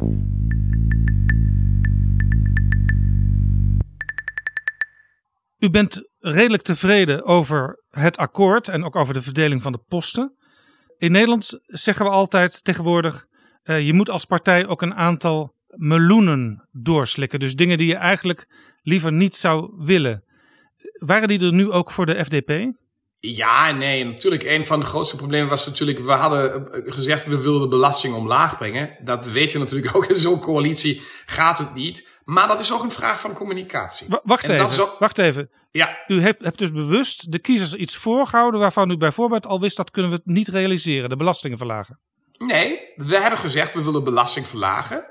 En we wisten wel, zoals we kiezen ook, als we aan het einde in een coalitie komen met, met Groenen en Sociaaldemocraten, zou dat een keihard probleem zijn, omdat die meer uitgeven willen. Je moet zeggen waar je voor staat, maar hier komt dan het belangrijke in democratie. Daar sta ik voor. Ik, maar, en, en ik ga niet dat doen wat in Nederland, ik vind dat is het grootste probleem van de democratie in Nederland, te zeggen, en als ik dat niet krijg, ga ik niet binnen een regering. En daardoor heb je steeds minder partijen die in een regering willen gaan. Nee, dan moet je zeggen, oké goed, ik krijg het niet door. Maar wat is dan er in Duitsland gebeurd? En hoezo hebben ze dan gezegd, ja is toch niet slecht wat jullie hebben gedaan? Omdat al in het sonderingspapier staat, maar geen verhoging van de belasting. En voor heel veel kiezers was het van, ik snap dat ze verlaging willen. Ik snap ook dat ze dat met Groenen en Sociaaldemocraten niet krijgen. Maar ik ben blij dat er ook geen verhoging van de, van de belasting komt. Dus fijn. Maar toch is het, het is een heel ambitieus coalitieakkoord. Ja. Eh, en ambities kosten uiteindelijk geld. Hoe gaat u dat dan betalen zonder de belasting te verhogen? Ja, dat uh, is de echte vraag voor de coalitie uh, voor de komende uh, drie jaar. Hoewel, het eerste jaar 22 is het er nog niet het grote probleem. Want het zal in heel Europa, zoals ook in Nederland, die discussie hebben jullie nu ook, weten we al dat we in 2022 redens corona nogmaal extra moeten uitgeven. Dus, en dat is bij ons belangrijk, die schuldenrem die zou er niet in kracht gezet worden weer. Dat zou eerst 2023 gebeuren. Dat staat ook zo in de uh, coalitieovereenkomst. Tweede is we moeten wel kijken als uh, de coronacrisis aan een eind komt, die al die extra uitgaven heel snel terug te voeren. Van één dag op die andere zal dat niet functioneren in een gecompliceerde economie. En dus duurt het een beetje. Maar, en daar zit de vraag, van al die dingen die we willen, zeggen we niet alles op 1, 1, 1 januari eh, 2022. Maar we kijken wanneer wat gebeurt, minimumloon, wanneer gaat die door, en, en, en. En het tweede is, neem het voorbeeld van minimumloon. Ja, want wat u heeft afgesproken, het minimumloon gaat naar 12 euro per uur. Dat Ja. is gewoon een afspraak. Ja, klopt. Maar we hebben niet gezegd 1 januari 2022. Twee, wat mensen vaak vergeten, als de minimumloon op 12 euro gaat, dan hebben die ook die mensen die werken meer inkomen. En de belasting van dit inkomen gaat omhoog. Dat moet je natuurlijk ook realiseren. Het tweede is, als je zegt minimumloon is 12, dan heb je natuurlijk ook die die nu 12 hebben, zeggen, hé, hey, hey, ik, ik had 12. Als de minimum naar 12 gaat, moet ik naar 14. Krijg je weer een stapje meer inkomen. Um, dan heb je inflatie die daardoor komt. Dus ik ben hier alleen aan de mathematiek, niet, niet aan de politiek. Ja, En maar mensen die het ook- minimumloon verdienen, die, verdienen, die betalen meestal het, de minste belasting. Dus zoveel levert dat ook weer niet op. Nee, klopt, maar een beetje dan toch. Kijk eens, als je met 20% met de minimumloon van 10 ongeveer naar 12 gaat, heb je dan ook in resultaat ongeveer, let op, 24% meer belastingsinkomen. Redens de progressie. Dat als men meer inkomen heeft, gaat het ook maar on- ongeveer. En als je dan dat ook op andere manieren ziet, zie je dat ook. Het is niet het sterke, maar wat ik bedoel is. Natuurlijk bedoelt dat ook, die inkomen gaan in het geheel hoog. Um, de pensioenen gaan omhoog. Dus is ook de vraag, wat bedoelt het voor de economie? Uh, gevaar is natuurlijk uh, inflatie, uh, en, dat het voortgaat met deze vraagverhoging van inkomen, verhoging Maar- van pensioenen en en en. Maar het lastige is om al die ambities te, te, te verwerkelijken. Heeft u dus eigenlijk een een stevige economische groei nodig. En die economische groei was, nou ja, afgelopen jaar hadden we natuurlijk corona. Maar eh, daarvoor was de economische groei ook niet zo geweldig hoog in Duitsland. Heel, helemaal eens. Tweede is, uh, Duitsland gaat weer terug in, in die rol nog niet van de zieke man van Europa, waar we waren 15 jaar geleden ongeveer, maar naar de zwakke man van Europa als het over gooien is. Maar drie, twee dingen hier. Het eerste is, het, Duitsland ging de economie ook niet zo sterk omlaag tijdens de crisis als in andere landen, omdat we manieren hadden zoals zogenoemde kurzarbeit. Ik ga het nu niet verklaren, maar bepaalde dingen hadden waardoor we de, konden stabiliseren. Dus gaan we ook niet zo snel omhoog. Het tweede is, en dat is belangrijker, daar heb je dan voor het vooruitgaan. Die economie moet weer sterker groeien, omdat we anders niet digitaliseren, omdat we anders niet die vraag van investeren krijgen. En daar zit die, die, die, die eigenlijke vraag, of, of dan ook die antwoord voor hoe krijgen we dat. En dat krijgen we alleen maar als we gaan, als, als de open, eh, als we van, van, van, van de statelijke kant, als ook nog meer van de privékant gaan investeren in Duitsland. Zonder dat werkt het helemaal niet. Zonder dat geen, geen gooi. Zonder dat niet genoeg belastingsinkomen eh, voor, voor de overheid. En zonder dat ook niet die mogelijkheid om al die wensen die we in die coalitieovereenkomst hebben door te brengen. En de tweede is, oh, de derde heb ik vergeten. Natuurlijk is met die vraag altijd een priori- prioriteitenlist. Hè? Niet alles samen, maar stapje voor stapje al die dingen die, die, die er moeten gebeuren. En het laatste, dat moet ik ook nog zeggen, is natuurlijk over die, die hogere schuld die we hebben, proberen we natuurlijk ook een beetje meer uh, te investeren en, en sterker ook gooien te krijgen in al deze bereiken die nodig zijn om Duitsland weer een beetje in, in, in een modern land uh, te brengen. Ja, in, uw, in de, het akkoord zit een heel interessant uh, opbouw. Die wel een beetje doet denken aan wat ook in Nederland gebeurt. Met het Wopke Wiebesfonds. En er is nu een klimaatfonds ja. en een stikstoffonds. Dat u buiten de begroting als het ware een soort investeringsfondsen doet. Toen ik dat las, dacht ik dat, dat klinkt heel erg SPD. Dat we weer een agentuur hebben met heel veel bureaucraten en heel veel oud-SPD-ministers die natuurlijk weer ergens een baan moeten krijgen en dergelijke. Dat leek mij voor meneer Lindner als liberale minister van Financiën nou niet zo'n heel erg fijn punt. Dat er in feite buiten de begroting om weer heel veel miljarden extra worden uitgegeven door bureaucraten. Hoe gaat u daarmee om? Dit is een als, leidende vraag, zo noemen we dat in Nederland. Een leidende ja, vraag. Als het zo was, had je, was het juist, maar zo is het niet. Oh, het valt dus het mee. In het, Het is in het detail volgens. Er bestaat deze fonds al heel lang. De zogenoemde Energie- en Klimafonds, die bestond al 2009 tot en met 2013.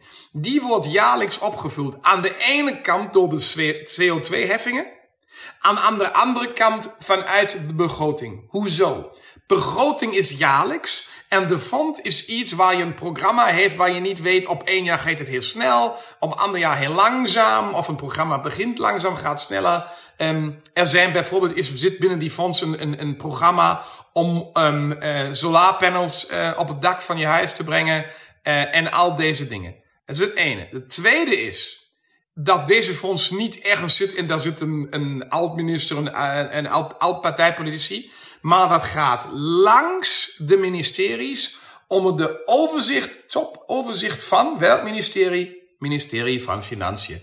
Dus het is een, een, een, een, een, ja, hoe zou je zeggen, een, een middel om, om investeringen mogelijk te maken, speciaal in de vragen van milieu, waar je niet zeg, kan zeggen alleen maar, oké, goed, morgen koop ik een nieuwe auto, elektriciteit en fijn, dat was het, maar men, maar men op lange termijn moet gaan. En, en het belangrijke is die CO2-heffing daar binnen te brengen.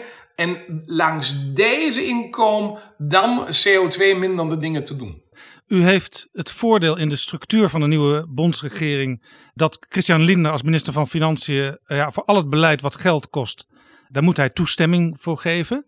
Uh, nou is zowel Christian Lindner als uh, Robert Habeck van de Groenen, die heel veel geld uit moet gaan geven voor klimaat, zijn allebei alfamannetjes. Dus dat kan soms wel eens gaan botsen. Ja, het zou ook botsen. Ik geloof botsen is ook een deel van, van democratie. Als het niet botst, uh, uh, was het fout. Ik geloof democratie heeft veel met het oplossing van botsen te doen. Daar moet je een juiste manier vinden. Je moet zeggen, ik wil zoveel, je krijgt nu zoveel. Ja, maar hoe komen we dan samen? En eh, eh, daar, daar zit die vraag. Eh, en de tweede is natuurlijk, je moet een verschil doen tussen wat staat in een coalitieovereenkomst en wat staat dan in de jaarlijkse begrotingswetgeving. En daar zal nog echt veel gevechten zijn. En als lid van het begrotingscomité weet ik ook dat heel veel werk van mij, zonder dat het daar echt staat, maar toch binnen de regeringsovereenkomst staat. Want aan het eind heb je door die schuldenremmen in onze grondwet en ook door de vraag van wie gaan die schuldenrem 2023 halen, hebben we een raam. En daarbinnen kun je alleen maar spelen. Kun je niet meer zeggen, ik wil meer geld. Dan moet je ook zeggen waar het vandaan zou komen. En, en, en of, of zeggen, ja, dat komt van mijn collega uh, van Landbouw. Als ik dit en dat voor het milieu wil doen. En dan zegt die collega van Landbouw, nee, denk je maar, dat krijg je niet. En, en dat is dan, aan het eind zou dat de harde werk zijn. Um, en het, het belangrijkste zou zijn dat men dat op een manier doet zoals men het uh, met die coalitieovereenkomst gedaan heeft. Niet in het openbaar daarover botsen, maar aan het einde een oplossing in de privé te vinden.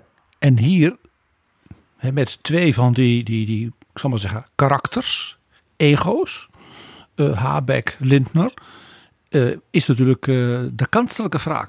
Dan moet Olaf Scholz laten zien dat hij, is, dat hij zowel boven de partijen kan staan, als natuurlijk de SPD ook van hem zal verwachten dat hij tussen die twee dan een zeg maar wat rood gekleurd compromis weet te bedenken. Ja, of zoals het met uh, Merkel was, vaak moest de, moet de sterkste een compromis ten koste van zijn eigen partij doen. Merkel had heel vaak linkse politiek mee moeten doen als het over pensioenstelsel en deze vragen gaat. Hoe Scholz dat zal doen, daar ben ik echt nieuwsgierig. Uh, hoewel ik weet, en dat heb ik ook de laatste vier jaar gezien als woordvoerder begroting. Um, hij is dan iemand ook die, die een, een, een, bepaalde lijn zou vinden, zou vinden. En daar blijft hij dan ook heel lang op. Maar nu is het probleem, hij moet die andere twee uh, um, um, die mogelijkheid geven om een, een, een oplossing te vinden waar ze niet het, op zeg je, het gezicht verliezen. En um, dat zal niet zo eenvoudig zijn. Um, voor Lindner geloof ik is het eenvoudiger. Um, kijk eens, eh, die was voorzitter van een partij 2013, uh, 14 die helemaal aan het eind was. Niemand wilde met hem spreken. Iedereen dacht, ja, oké, die, die neoliberaal moet niet en zo. Die weet hoe het is om heel, heel laag te zijn. En daar zat dan ook, komen we weer terug, hoe gaat het met de Groenen, hoe gaat het met Habeck als hij in deze positie zou komen? En dat zullen we uitvinden, want leiderschap is natuurlijk ook een vraag. Leider ben je niet uh, in, in, als het eenvoudig is, maar als het, als het echt compliceerd wordt. Op uh, waarschijnlijk 8 december wordt de bondskanselier gekozen. Dan gaat hij ja. aan de slag. Uh, maar hij gaat al meteen naar een Europese top. Die is op 10 december. En in Nederland kennen wij het gezegde. Als de kat van huis is, dan dansen de muizen op tafel. Heb je in het Duits ook? Ja, Um, wenn die, dus, wenn die dus, Katze aus dem dus Robert, ist, tanzen die Mäuse am Tisch. Ja. Dus Robert ja. Habeck zit meteen de regering voor zodra nou ja. Scholz gekozen is. Uh, nou, nee, hij gaat naar de top. Maar dat moet je echt dan zien. Um, uh, dat is in ons digitale wereld, die zit dan maar op de top. Maar dat bedoelt niet dat, dat Habeck of Lindner dan plotseling in een, in, een bijzondere positie zijn. Um, uh, nee, en, en het wordt ook, het moet je ook zien, uh, eh, 10 december bedoelt ook, dat is ook de tijd waar, waar gaat Lindner naartoe, met wie spreekt dit eerst en, en uh, ook waar gaat Habeck naartoe. Ik geloof wel dat iedereen eerst naar, naar Parijs zou gaan. Dat is een traditie. Is die goed? Ja, goed. De Fransen komen ook naar ons. ja, is oké. Okay. Uh, um, want we zijn nu in, in, in, in, een positie waar als je niet het eerst naar Frankrijk gaat, dan, oh, ruzie met Frankrijk. En, en ik wenste me dat men zegt, nee, kijk eens wat kabinet, we gaan nu kijken, we zijn zo zoveel ministers en ieder gaat naar één land om ieder land te laten zien, uh, uh, het is één Europa. Maar goed, uh, we weten ook, die Fransen verwachten dat ook een beetje en daar moet je dan ook opletten. En, moeten we eerlijk zijn, na de verkiezingen is voor de verkiezingen en we zijn nu voor de Franse verkiezingen en weten ook wat daar nog al zal gebeuren. Dus er gaat niemand meteen naar Den Haag. Terwijl Nederland komt in het uh, coalitieakkoord één keer voor. En dat is mm -hmm. eigenlijk een vermaning, want uh, Nederland eh, biedt ruimte aan agressieve belastingontwijking, staat er in uw akkoord. En van die fiscale dumping willen we af. Dus eigenlijk het enige wat er over Nederland gezegd wordt, is iets negatiefs. Ja, daar was ik ook, uh, moet ik eerlijk zeggen, niet vrolijk, vrolijk over. Want um, we hadden ook nog iets kunnen schrijven. Maar, maar over het is toch waar? Ja, ja, maar. Moet wat waar is, waar... moet toch gezegd worden?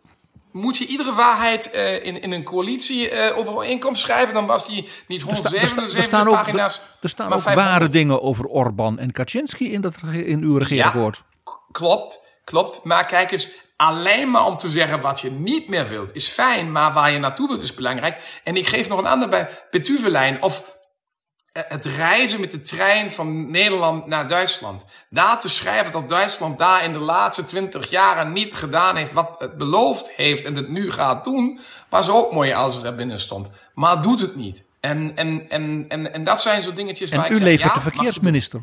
U levert de verkeersminister. Ja, dus laat hij eens wat doen.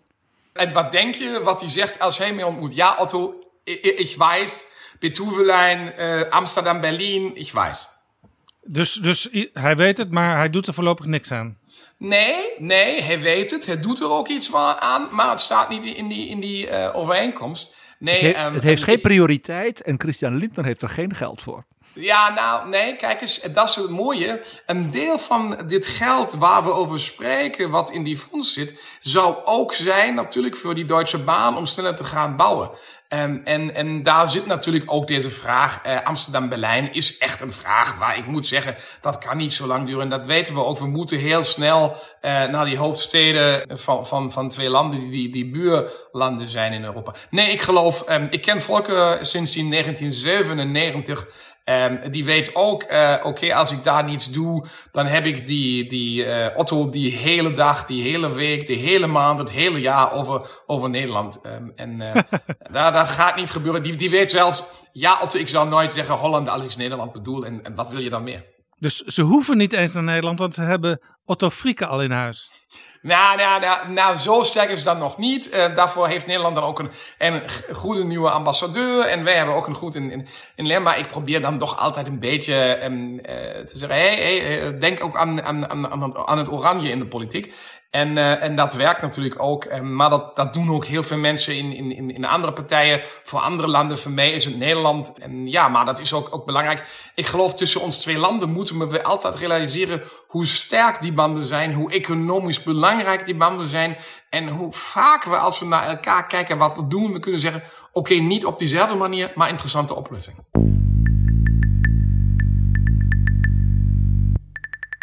De nieuwe bondskanselier Olaf Scholz gaat dus meteen naar een Europese top in Brussel.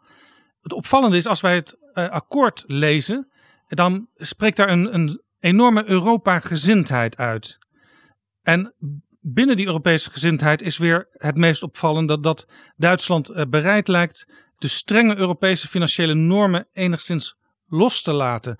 Maar die normen die waren toch juist voor Duitsland altijd een absolute voorwaarde voor samenwerking? Ja, maar ik zou nooit zeggen los te laten. Uh, en dat zou ook nooit gebeuren. Loslaten is iets van, uh, uh, ja, vergeet maar, Maastricht stabiliteitsvragen gaat helemaal weg. Ik zei maar, enigszins los te laten. Ja, oké, okay, goed. Daar, gaan we, gaan we, daar zijn we weer mee in het definiëren. En dat is hoezo het zo belangrijk is dat deze regeringsakkoorden zo, zo lang zijn het belangrijke is, we moeten met Europa verder. We moeten in bepaalde dingen kijken dat we sneller zijn, dat we beslissen. Maar we moeten ook bepaalde dingen, moeten we zeggen, dat kunnen we ook zonder Europa doen.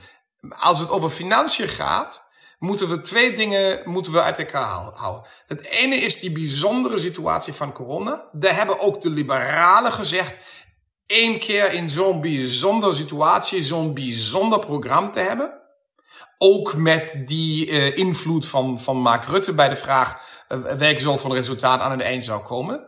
Maar die tweede vraag, welk soort van stabiliteitspolitiek zou er in toekomst zijn? Daar zeggen we dan, het oude Maastricht is, was oké, maar het is oud. En zo te doen alsof economie, financiële markten dezelfde zijn als jaren geleden, daar moeten we over nadenken. Nu zeg ik privé is, het, is 60% van het uh, uh, bruto nationaal product uh, van schuld nog, nog het juiste?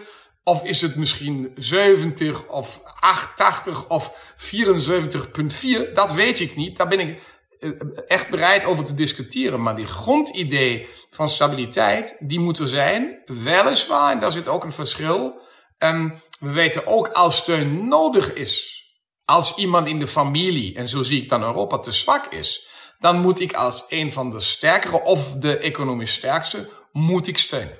Is dit ook wat Christian Lindner bedoelde toen hij op de televisie zei naar aanleiding van dit akkoord? Wij kunnen ons als Duitsland niet die strenge opstelling veroorloven die een klein Noord-Europees land zich wel kan veroorloven. Ja, hij, hij was, dat was in vraag met, met Finland en dat klopt. Uh, en kijk eens, het probleem is uh, er is een oude ding van uh, begin van de 20e eeuw, geloof ik. am deutschen Wesen soll die Welt genezen. Keizer Wilhelm II war das. Ja, je weet waar het aan het eind naartoe voerde. een wereldoorlog en, en een stukje kleiner en slecht Europa. En dan in de totale crisis van de, van de Tweede Wereldoorlog. Metro en al deze dingen. Dus we weten als Duitsers, we kunnen niet zeggen iedereen zoals wij het willen. Dat werkt niet. Het tweede is, um, dus zelfs als we een positie hebben waar we klaar duidelijk weten wat we willen, is het een vraag, moet je het dan altijd naar buiten zeggen, zeggen ja, ja, zo, zo en niet anders? Of ga je zeggen, eh, we willen in die richting, we weten we moeten die andere landen meenemen, um, dus laten we eens kijken waar het naartoe gaat en ook weten dat we een bepaald uh, compromis moeten maken. Dat is niet eenvoudig. Want heel veel mensen zeggen, ja, waar, waarvoor sta je dan? Maar dat betekent dus dat je, dat betekent in de huidige situatie, dat Duitsland waardering heeft voor Finland. Hè, en de Frugal Four. En het lezen van Chopin-biografieën. Maar uiteindelijk, uiteindelijk zal ook Scholz, net als mevrouw Merkel deed, met Macron. En Scholz nu ook nadrukkelijk met Mario Draghi, denk ik met z'n drieën een lijn moeten vinden om verder te kunnen. Ja, ik zou, ja, zou ik een beetje beeldelijk zeggen, maar het moet een lijn met Chopin-muziek dan zijn. Uh, bedoeld, uh, bedoeld, wij moeten ook een beetje de, de makelaar zijn die zegt: hey, beste Franse vrienden, beste Italiaanse vrienden, ja, we weten waar jullie naartoe willen. En we snappen ook zonder jullie twee, en met, met Duitsland gaat het niet. Maar alleen maar op jullie manier. Ik heb daar ook nog vrienden, ja, in Nederland, in Oostenrijk, in Finland en en en, die moeten er ook bij zijn. Het is heel vaak, geloof ik, de, de rol van Duitsland in de toekomst, daardoor dat Engeland weg is, echt misselijk in die situatie, te zeggen we moeten een makelaar zijn. En als Nederlanders het gevoel hebben, die doen alleen maar wat de Fransen willen, of de Italianen, is het voorbij. dezelfde vinden als die zeggen, uh, die gaan alleen maar met de zuidelijke. Maar hetzelfde is natuurlijk ook voor Frankrijk en Italië. Ze zeggen, ja, die Duitsers die blijven daar op die noordelijke rol. Uh, hebben we geen idee van om mee te spreken. Laat ons in een conflict gaan en ons dingetjes zo doen als we willen. Dat is het dan ook niet. Niet eenvoudig is ook, wordt echt voor Scholz keihard. En ja, goed, voor minister van Financiën. Dat weet je ook, die, die, die is die nummer twee in Europa voor de ministeries. Is het dan ook van echt groot belang. Ook interessant in de zeg maar, die wat, wat, wat, wat flexibeler, laat ik zo zeggen, formuleringen ten aanzien van Europa en de financiën en de verdere ontwikkeling van de eurozone, is dat Duitsland ook aangeeft dat men ten aanzien van de bankenunie en zeg maar die, die, zeg maar die extra garanties rondom de euro, uh, dat men zich ook daar wat, zeg maar, wat soepeler wil opstellen. Uh, want we weten onder andere van onze Nederlandse minister van Financiën dat hij wel eens, hij heeft ook een keer tegen Jaap en mij gezegd. Hij zegt: Ik kan op dat soort punten het soms beter met Bruno Le Maire vinden dan met Berlijn. Hier is het vaak, zo zegt hij, dat Nederland met Frankrijk dan tegen het wat onwillige Berlijn optrekt dus het is ook altijd wat genuanceerder, mhm. zelfs bij Nederland. Maar uit dit akkoord blijkt toch dat Duitsland op dat, juist op dat punt, rond die bankenunie en ook zeg de, de kapitaalmarktunie, wil bewegen. Uh, ik neem aan dat dat dan ook vooral het werk van Christian Lindner zal zijn. Hoe gaat hij dat doen? De meeste mensen denken: oké, Duitsland, grote economie, groot financiële markt, veel sterke banken. Maar als ik dat zeg, weten jullie natuurlijk fout. Klopt niet. Het probleem is, wij hebben drie bankenzuilen. Eh, die privébanken, eh, die eh, genotenschaps, genossenschapsbanken en, en die zogenoemde spaarkassen. Regionale soort van banken die zelf zeggen: nee, we zijn geen banken, maar natuurlijk zijn ze aan het eind. Iedereen met zijn eigen zekerheidssysteem. En, en daardoor was Duitsland altijd in positie van: hoezo zou ik daar, daar dan hetzelfde dan in Europa doen als we dat op nationaal niveau toch zo goed doen? Eén. Twee, als de bankensector van Duitsland zo klein is, dan heb je weliswaar nog een Duitse bank, maar je hebt geen Dresdner bank meer. Uh, je hebt geen uh, Bayerische Vereinsbank meer, die is een deel van die Unicredit. Hè? Een grote privébank Duitsland, deel van een Italiaanse bank. Uh, die Franse banken zitten er, er binnen.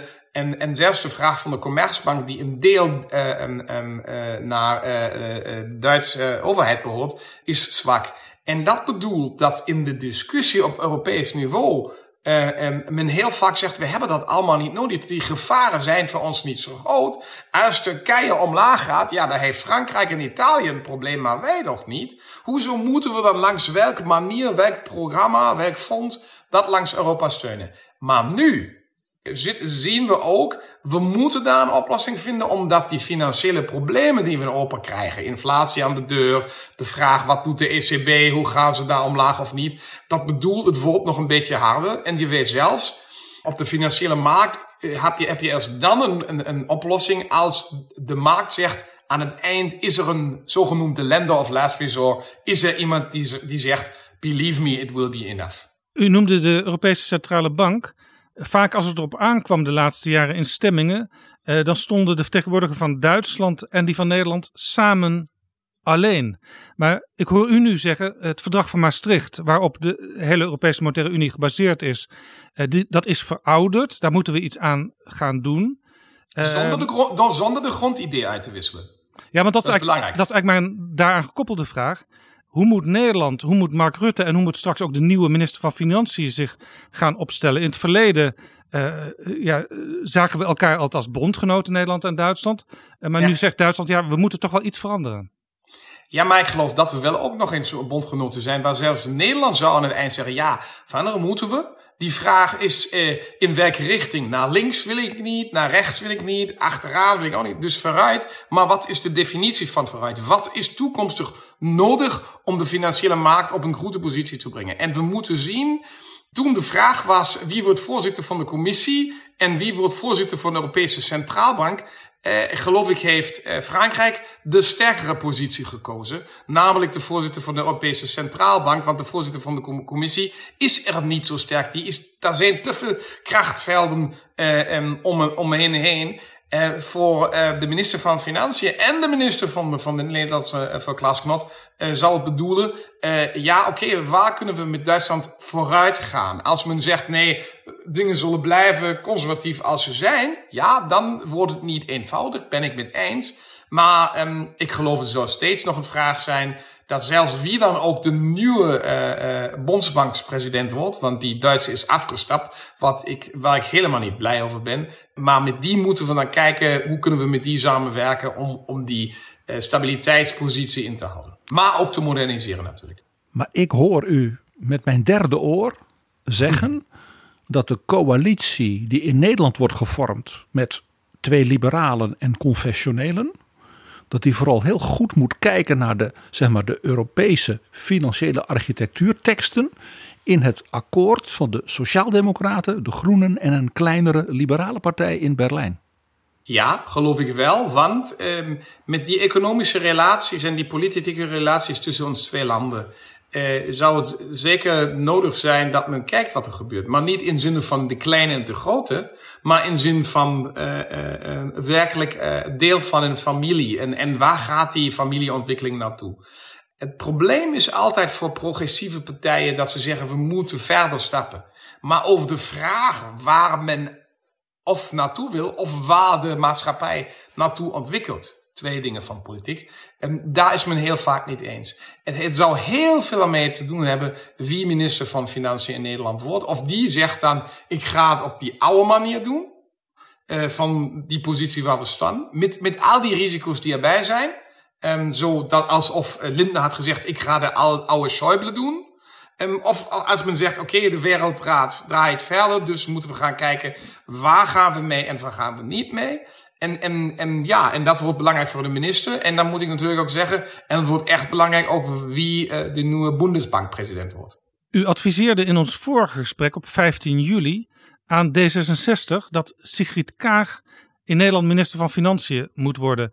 En zij heeft natuurlijk ook een wat andere visie op Europa dan uh, bijvoorbeeld Wopke Hoekstra had op financiën of dan uh, Mark Rutte uh, als VVD'er heeft. Dus mm -hmm. dat kan mhm. betekenen dat beide landen weer wat sneller op één lijn zitten op dit terrein.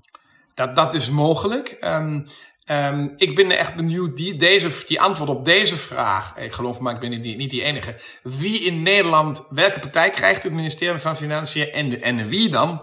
Uh, dat is echt ook belangrijk voor deze vraag. Hoe gaat het met Europa verder? Uh, hebben we daar nog die, die, die, die vier die, die samen tegen de anderen? Of zijn het dan, of is het een andere richting?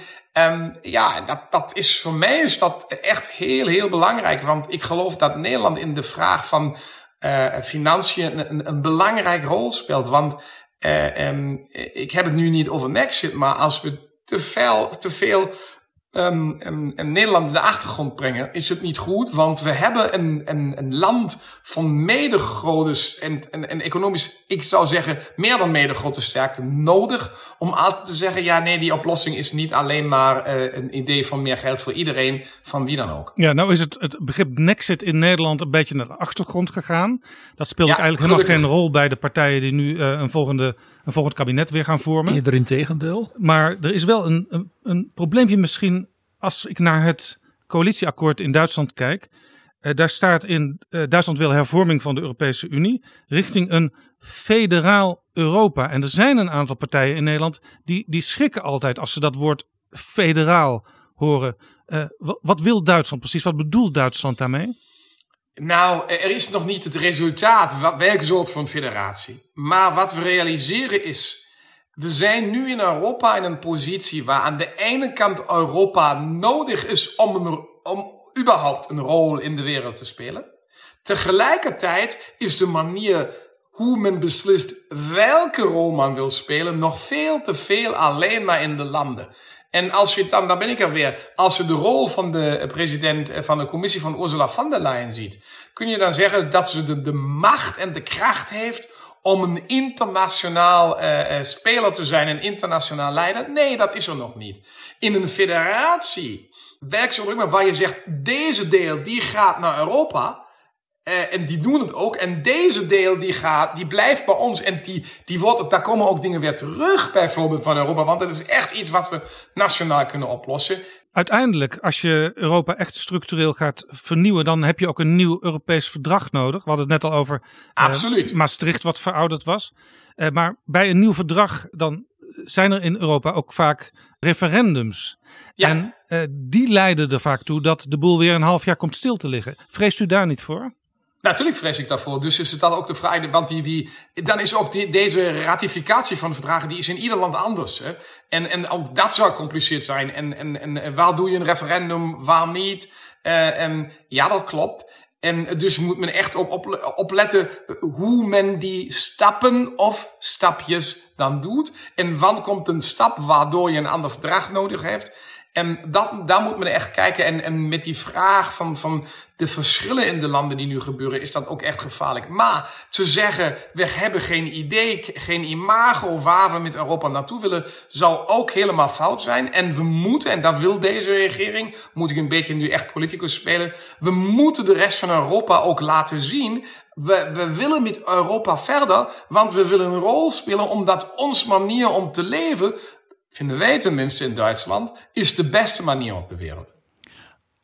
U, zet hiermee, met dit akkoord en ook met uw eigen woorden hier nu, de discussie die in Europa gaande is, onder andere ook aangejaagd door Macron richting jongeren en met universiteiten, maar ook die bredere discussie over de toekomstconferentie van Europa, die zet u ook wel een beetje onder druk in feite in de zin van dat moet niet alleen maar een soort gezellige kwazzelboerde, ja, uh, leuke gesprekken bij café en koegen en zo. Daar moet echt iets strategisch, iets geopolitieks uitkomen. Ja, dat geloof ik dus nodig. Want uh, als we kijken hoe China ontwikkelt, wat ze doen, als we zien wat in Amerika gebeurt. En ik ben, ben vreselijk bang dat de, de actuele regering uh, alleen maar een, een, een four-year term heeft als ze zo verder gaan. Omdat die Amerikanen niet, niet, niet snappen wat daar gebeurt in de achtergrond en hoe ze zelfs als maatschappij verschuiven. En daar moeten we iets doen, want we kunnen niet zeggen, oh, oh, de wereld... Uh, dus we moeten ook sneller moderne. handelen dan je misschien zou denken, omdat misschien Donald Trump over drie jaar weer president kan zijn. Dat is een van de mogelijkheden. Het tweede is, um, uh, dat vind ik, uh, we, moeten toch realiseren. De, de, oude Europese manier om te leven, om te organiseren, die werkt zo niet meer. Daar vallen we achteraan, achteraan, achteraan. We hebben nog de voordeel dat heel veel intelligente mensen zeggen, uh, um, um, of opgeleide mensen zeggen, ik wil in Europa leven, het beste voor mijn familie. Voor het geheel. Maar er zijn steeds meer die zeggen, ik ga beter dan uh, in, in, uh, in Amerika uh, werken. omdat ik heel snel geld krijg en, en, en. En dat moeten we nog zien dat het verschuift. En, en, en anders is het, ja, als je, op de Goethe heeft eens gezegd, wer niet voorwaarts gaat, gaat rückwärts. Dus als je niet verder gaat, dan val je terug. En dat, dat moeten we realiseren op ons zogenoemde oude continent. Dit is Betrouwbare Bronnen. Europa moet eigenlijk een meer dominante rol in de wereld gaan spelen. Ook een voorbeeld willen zijn. Strategische autonomie is belangrijk. Een, een echt buitenlands beleid is belangrijk. Vanuit verschillende Europese landen werd de afgelopen jaren, als het om Duitsland ging, wel eens gedacht: ja, uh, die zijn misschien te lief voor China en voor Rusland. Gaat dat nu veranderen? Um, ik ben er nog niet zeker van. Ik hoop dat. Ik, uh, want, want als ik discussies ook met, met groene uh, collega's heb die dromen van een ideaal wereld, weten ze toch de realiteit is anders. En dat is natuurlijk ook belangrijk voor buitenlandse politiek te weten wat de realiteit is en, en, niet alleen maar te zeggen hoe, hoe, je, hoe je de wereld wil hebben. Maar um, dat zou ook een vraag zijn. En kijk eens, we krijgen nu met uh, mevrouw Baerbock een nieuwe minister van Buitenlandse Zaken. Um, die heeft nog niet zoveel buitenlandse politiek gedaan. Is een jonge vrouw, is sterk. Ik, ik ken ik heb met haar samen een, een, een orgaandonorschapswet uh, door de Bondsdag uh, gebracht. Hoewel we twee in de oppositie zaten, hebben we dat met, met, met Christen-Democraten, maar meer met, met Sociaaldemocraten gedaan. Die weet wat ze wil, die is ook sterk. Maar natuurlijk gaat uh, een Poetin en een, een, een uh, Xi Jinping gaat haar een beetje testen en zien wat gebeurt. Die eten haar toch op als een snack? Ja, ja maar uh, dan, moet je, dan moet je kijken of, uh, bepaalde snacken zijn ook giftig. En, en daar ga je dan aan het einde ook niet overleven. Dus, dus nee, daar, zou ik voorzichtig zijn. Maar het grootste probleem voor Duitsland is nog, we zijn nog ver daarvan weg om een sterk buitenlandse rol te spelen die zo sterk is als we economisch sterk zijn. Omdat we steeds nog onze geschiedenis altijd in het achterhoofd hebben. Over uh, Annalena Baerbock, de nieuwe minister van Buitenlandse Zaken, gesproken. Uh, zij zei in de verkiezingscampagne dat ze de opening van uh, Nord Stream 2, de gaspijplijn van Rusland naar Duitsland, afhankelijk wil maken van het mensenrechtenbeleid. Maar daarover lees ik niks in het akkoord. Klopt. Overwinning voor Gerhard Schröder dus. Ik geloof een overwinning van uh, economische uh, dingen. Want aan de ene kant wil men Nord Stream 2 hebben. Aan de andere kant wil men niet afhankelijk zijn van Nord Stream 2. En dat zijn we ook niet. Er komen steeds meer LNG-terminals en andere dingen. De derde kant is uh, met wie je boodschappen doet, uh, die is ook een beetje afhankelijk van jou. Want zonder die financiën die vanuit Europa binnenkomen, uh, is het ook voor Rusland niet zo eenvoudig. Dat is ja niet een, een homogeen land waar iedereen een klein Poetin is, of een klein Putina. Um, en die zeggen ook als het geld aan het eind er niet is, dan, dan, dan wordt het ook, ook vreselijk problematiek. Over energie gesproken, is het niet gek dat Duitsland meer op gas gaat inzetten en geen kernenergie meer wil? Terwijl Nederland juist van het gas afgaat en in het nieuwe regeerakkoord mogelijk juist voor meer kernenergie gaat kiezen. Dat probeer ik ook heel vaak mijn Duitse collega's te verklaren, maar uh, die zien het op een andere rol. Hoewel men natuurlijk eerlijk moet zijn. We kunnen nog heel veel CO2 reduceren omdat we van kolen, heel veel kolencentrales in vergelijking met Nederland, naar gas gaan. Uh, waar Nederland die kans niet zo sterk heeft. Maar de discussie over uh, kerncentrales die is helemaal dood hier. Um, zelfs als ik in de campagnediscussies met een groene discuteerd heb, en die zeggen, ja, het belangrijkste is het klimaat 1.5, we moeten, en, en, en IPCC heeft gezegd, we moeten en we moeten. En ik toen zegde, maar als het het belangrijkste is, zou het dan niet beter zijn die nog existerende kerncentrales langer te laten lopen? Was plotseling, nee, nee, kerncentrales is het eerste waar we van af moeten. Dat is een beetje typische Duitse mentaliteit. Men is vreselijk bang voor dat. Maar dat, maar dat, zou, dat zou dus uh, tussen de regeringen van Duitsland en Nederland, zeg maar ook in Europa, dus een heel flink conflictpunt kunnen opleveren rondom ja, de Green Deal. ja en nee. Kijk eens, uh, de Duitsers hebben nu gezegd, is ons uh, energievraag en wetgevingsvraag om, om, om, of we Nord Stream 2 doen of niet. Die Fransen hebben gezegd, is ons vraag of we kernenergie doen of niet. Die enige vraag waar we samen moeten werken is die vraag van elektriciteitsnet en deze dingen.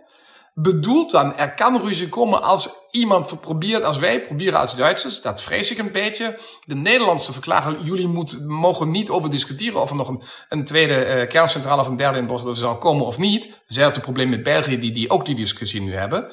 Of, of men zegt als Nederlanders, hé, kijk eens, we produceren CO2-vrije elektriciteit. Hè? We kunnen ze misschien ook naar Duitsland verkopen. In die moment waar geen wind en geen stroom is. Of, of, of. En kunnen daarmee geld verdienen. Ik geloof persoonlijk, zoals ik uh, mijn Nederlandse vrienden ken.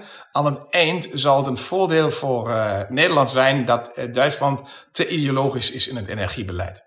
Maar het kan dus zijn, in theorie, nou zelfs in praktijk, dat Duitsland straks voor een deel op Nederlandse kernenergie draait en wij op Duits gas. Dat is mogelijk. Het tweede is ook of op, als het veel zon en wind is, op Duitse wind- en zonenergie. En dan moeten jullie ook niet zoveel. Ja, dat klopt. Uh, maar voor de Duitsers is het grootste probleem. We willen omlaag, omlaag, omlaag. Uh, pa Parijs uh, doelen bereiken. Maar, dat, dan, maar dan gaan we dan aan de eind gaan we dan de kernenergie vanuit Frankrijk. Dan heel veel in het zuiden doen. Met, met, met koolenergie vanuit Polen en Tsjechië. Ah, daar ben ik niet zo zeker van. Daar is zeker nog niet die eindguldige uh, oplossing. En dan moet je nog zien, de grootste netbedrijven in Duitsland, Tenet, is een Nederlander. Zo en behoort de minister van Financiën. We gaan richting het einde van dit gesprek, maar we hebben nog een paar puntjes, PG. Ja, uh, opmerkelijk in het akkoord die zeer uh, ambitieuze Europese teksten.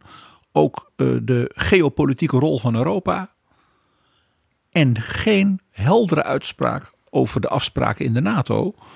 Uh, van we zouden toch echt allemaal 2% BBP investeren in veiligheid, in een defensie. Dat is een, nou ja, een wishy-washy tekst. Ja, is hij.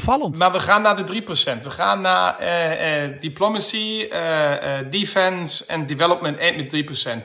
We zien het samen. We willen naar die NATO 2%. Hoewel die vraag is, wat is deel van de NATO 2%? Dan moet je ook kijken. Hè? De Amerikaanse Coast Guard is binnen wat- de Duitse en de. Nederlandse niet. Wat u doet is in goed Duits etikettenzwindel. Als aan het eind die 3% niet komen, ja. Maar die komen.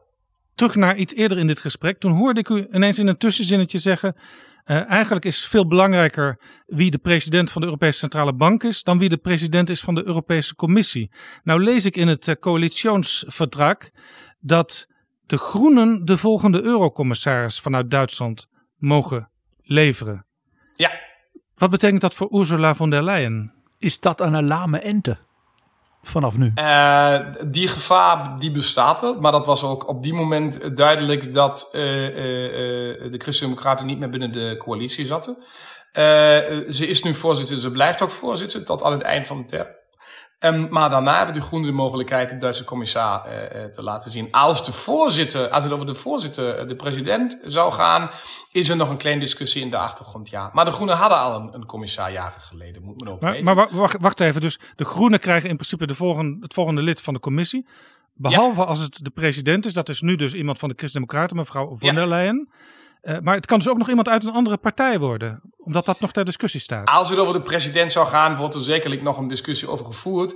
En het gaat over de vraag wie het voorslagrecht heeft voor een, eh, eh, voor een normaal commissar. Al die andere vragen, wie, wie dan president wordt, die, die zitten dan nog aan de andere kant.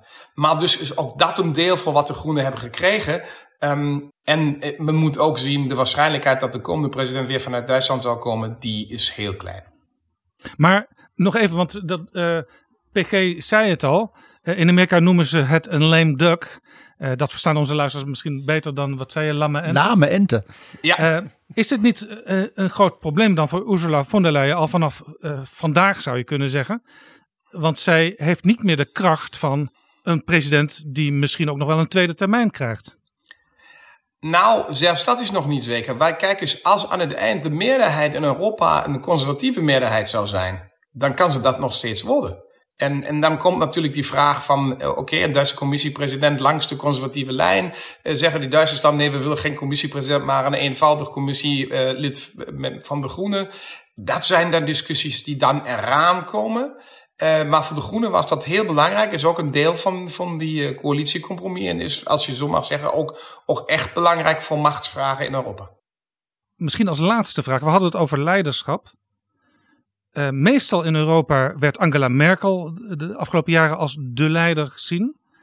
Wordt dat nu het koppel Emmanuel Macron en Mario Draghi? Eh, de afgelopen week hebben ze samen ook een vriendschapsverdrag gesloten. Vroeger werd er gesproken over Mercosi. En het gaat nu in Europa al over Dracron. Ja, ik geloof, ik geloof aan het eind is het een vraag eh, dat men verschil moet maken tussen wie kan persoonlijk met wie het best. En daar was eh, eh, eh, mevrouw Merkel en monsieur Sarkozy, die hadden een, een goede relatie. Met Macron was het niet zo een stukje eenvoudiger. Maar dat is de, de verschil is dan natuurlijk hoe gaat het inhoudelijk. En Scholz is een, een Noordenaar, een typische Duitse Noordenaar. Daar heb je niet zo snel contact. Die is niet zo, ja, ja, heel snel om een grapje mee te doen, om, om dingen te laten zien. Ik geloof het wordt voor, voor, voor Macron en Draghi echt belangrijk. En of men met eh Scholz op een eh, tussenmenselijke niveau heel goed kan eh, samenwerken. Anders is het de typische vragen van politieke kracht. Eh, het tweede is, en dat is dan ook de vraag, eh, em, welke rol zullen die, zullen die langstaande minister-presidenten zoals Rutte eh, en, en, en minister-president- en de minister-president van Hongarije, Orbán, spelen. En daar, daar, daar zal heel veel van afhankelijk zijn. Want aan het eind is ook daar weer diplomatiek een beetje een sms'je. Zeg, hey, kunnen we daar niet, eh, zullen we het op deze manier doen? En niet die officiële dingen die we naar buiten zien. Dus het zou wel eens ook vanwege natuurlijk de ervaring van de vorige Europese centrale bankpresident Draghi en de vorige minister van Financiën van Duitsland, Scholz, Mario Olaf kunnen worden. Het kan ook een eh, Mario Olaf worden. Ja, uh, om het beter te zeggen. Maar uh, ik ben er nog niet zeker van. Ik, ik, ik, ik denk, zoals zal, zal zoals altijd niet te persoonlijke contacten met mensen vinden. Maar hij zal een, een, een vertrouwbare mens worden. En dat is echt belangrijk. En ik denk ook dat is de rol van een, een Duitse bondskanselier binnen Europa. Een, een, een vertrouwbare bron te zijn binnen Europa. Otto Frieke, mag ik u hartelijk danken voor dit gesprek. En mag ik u ook heel veel succes wensen de komende jaren in Duitsland met de nieuwe regering. Ik bedanke mich en ben gespannt.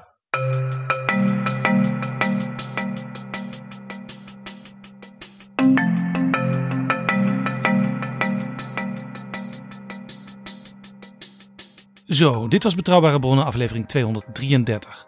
In de beschrijving staat een link naar het nieuwe coalitieakkoord.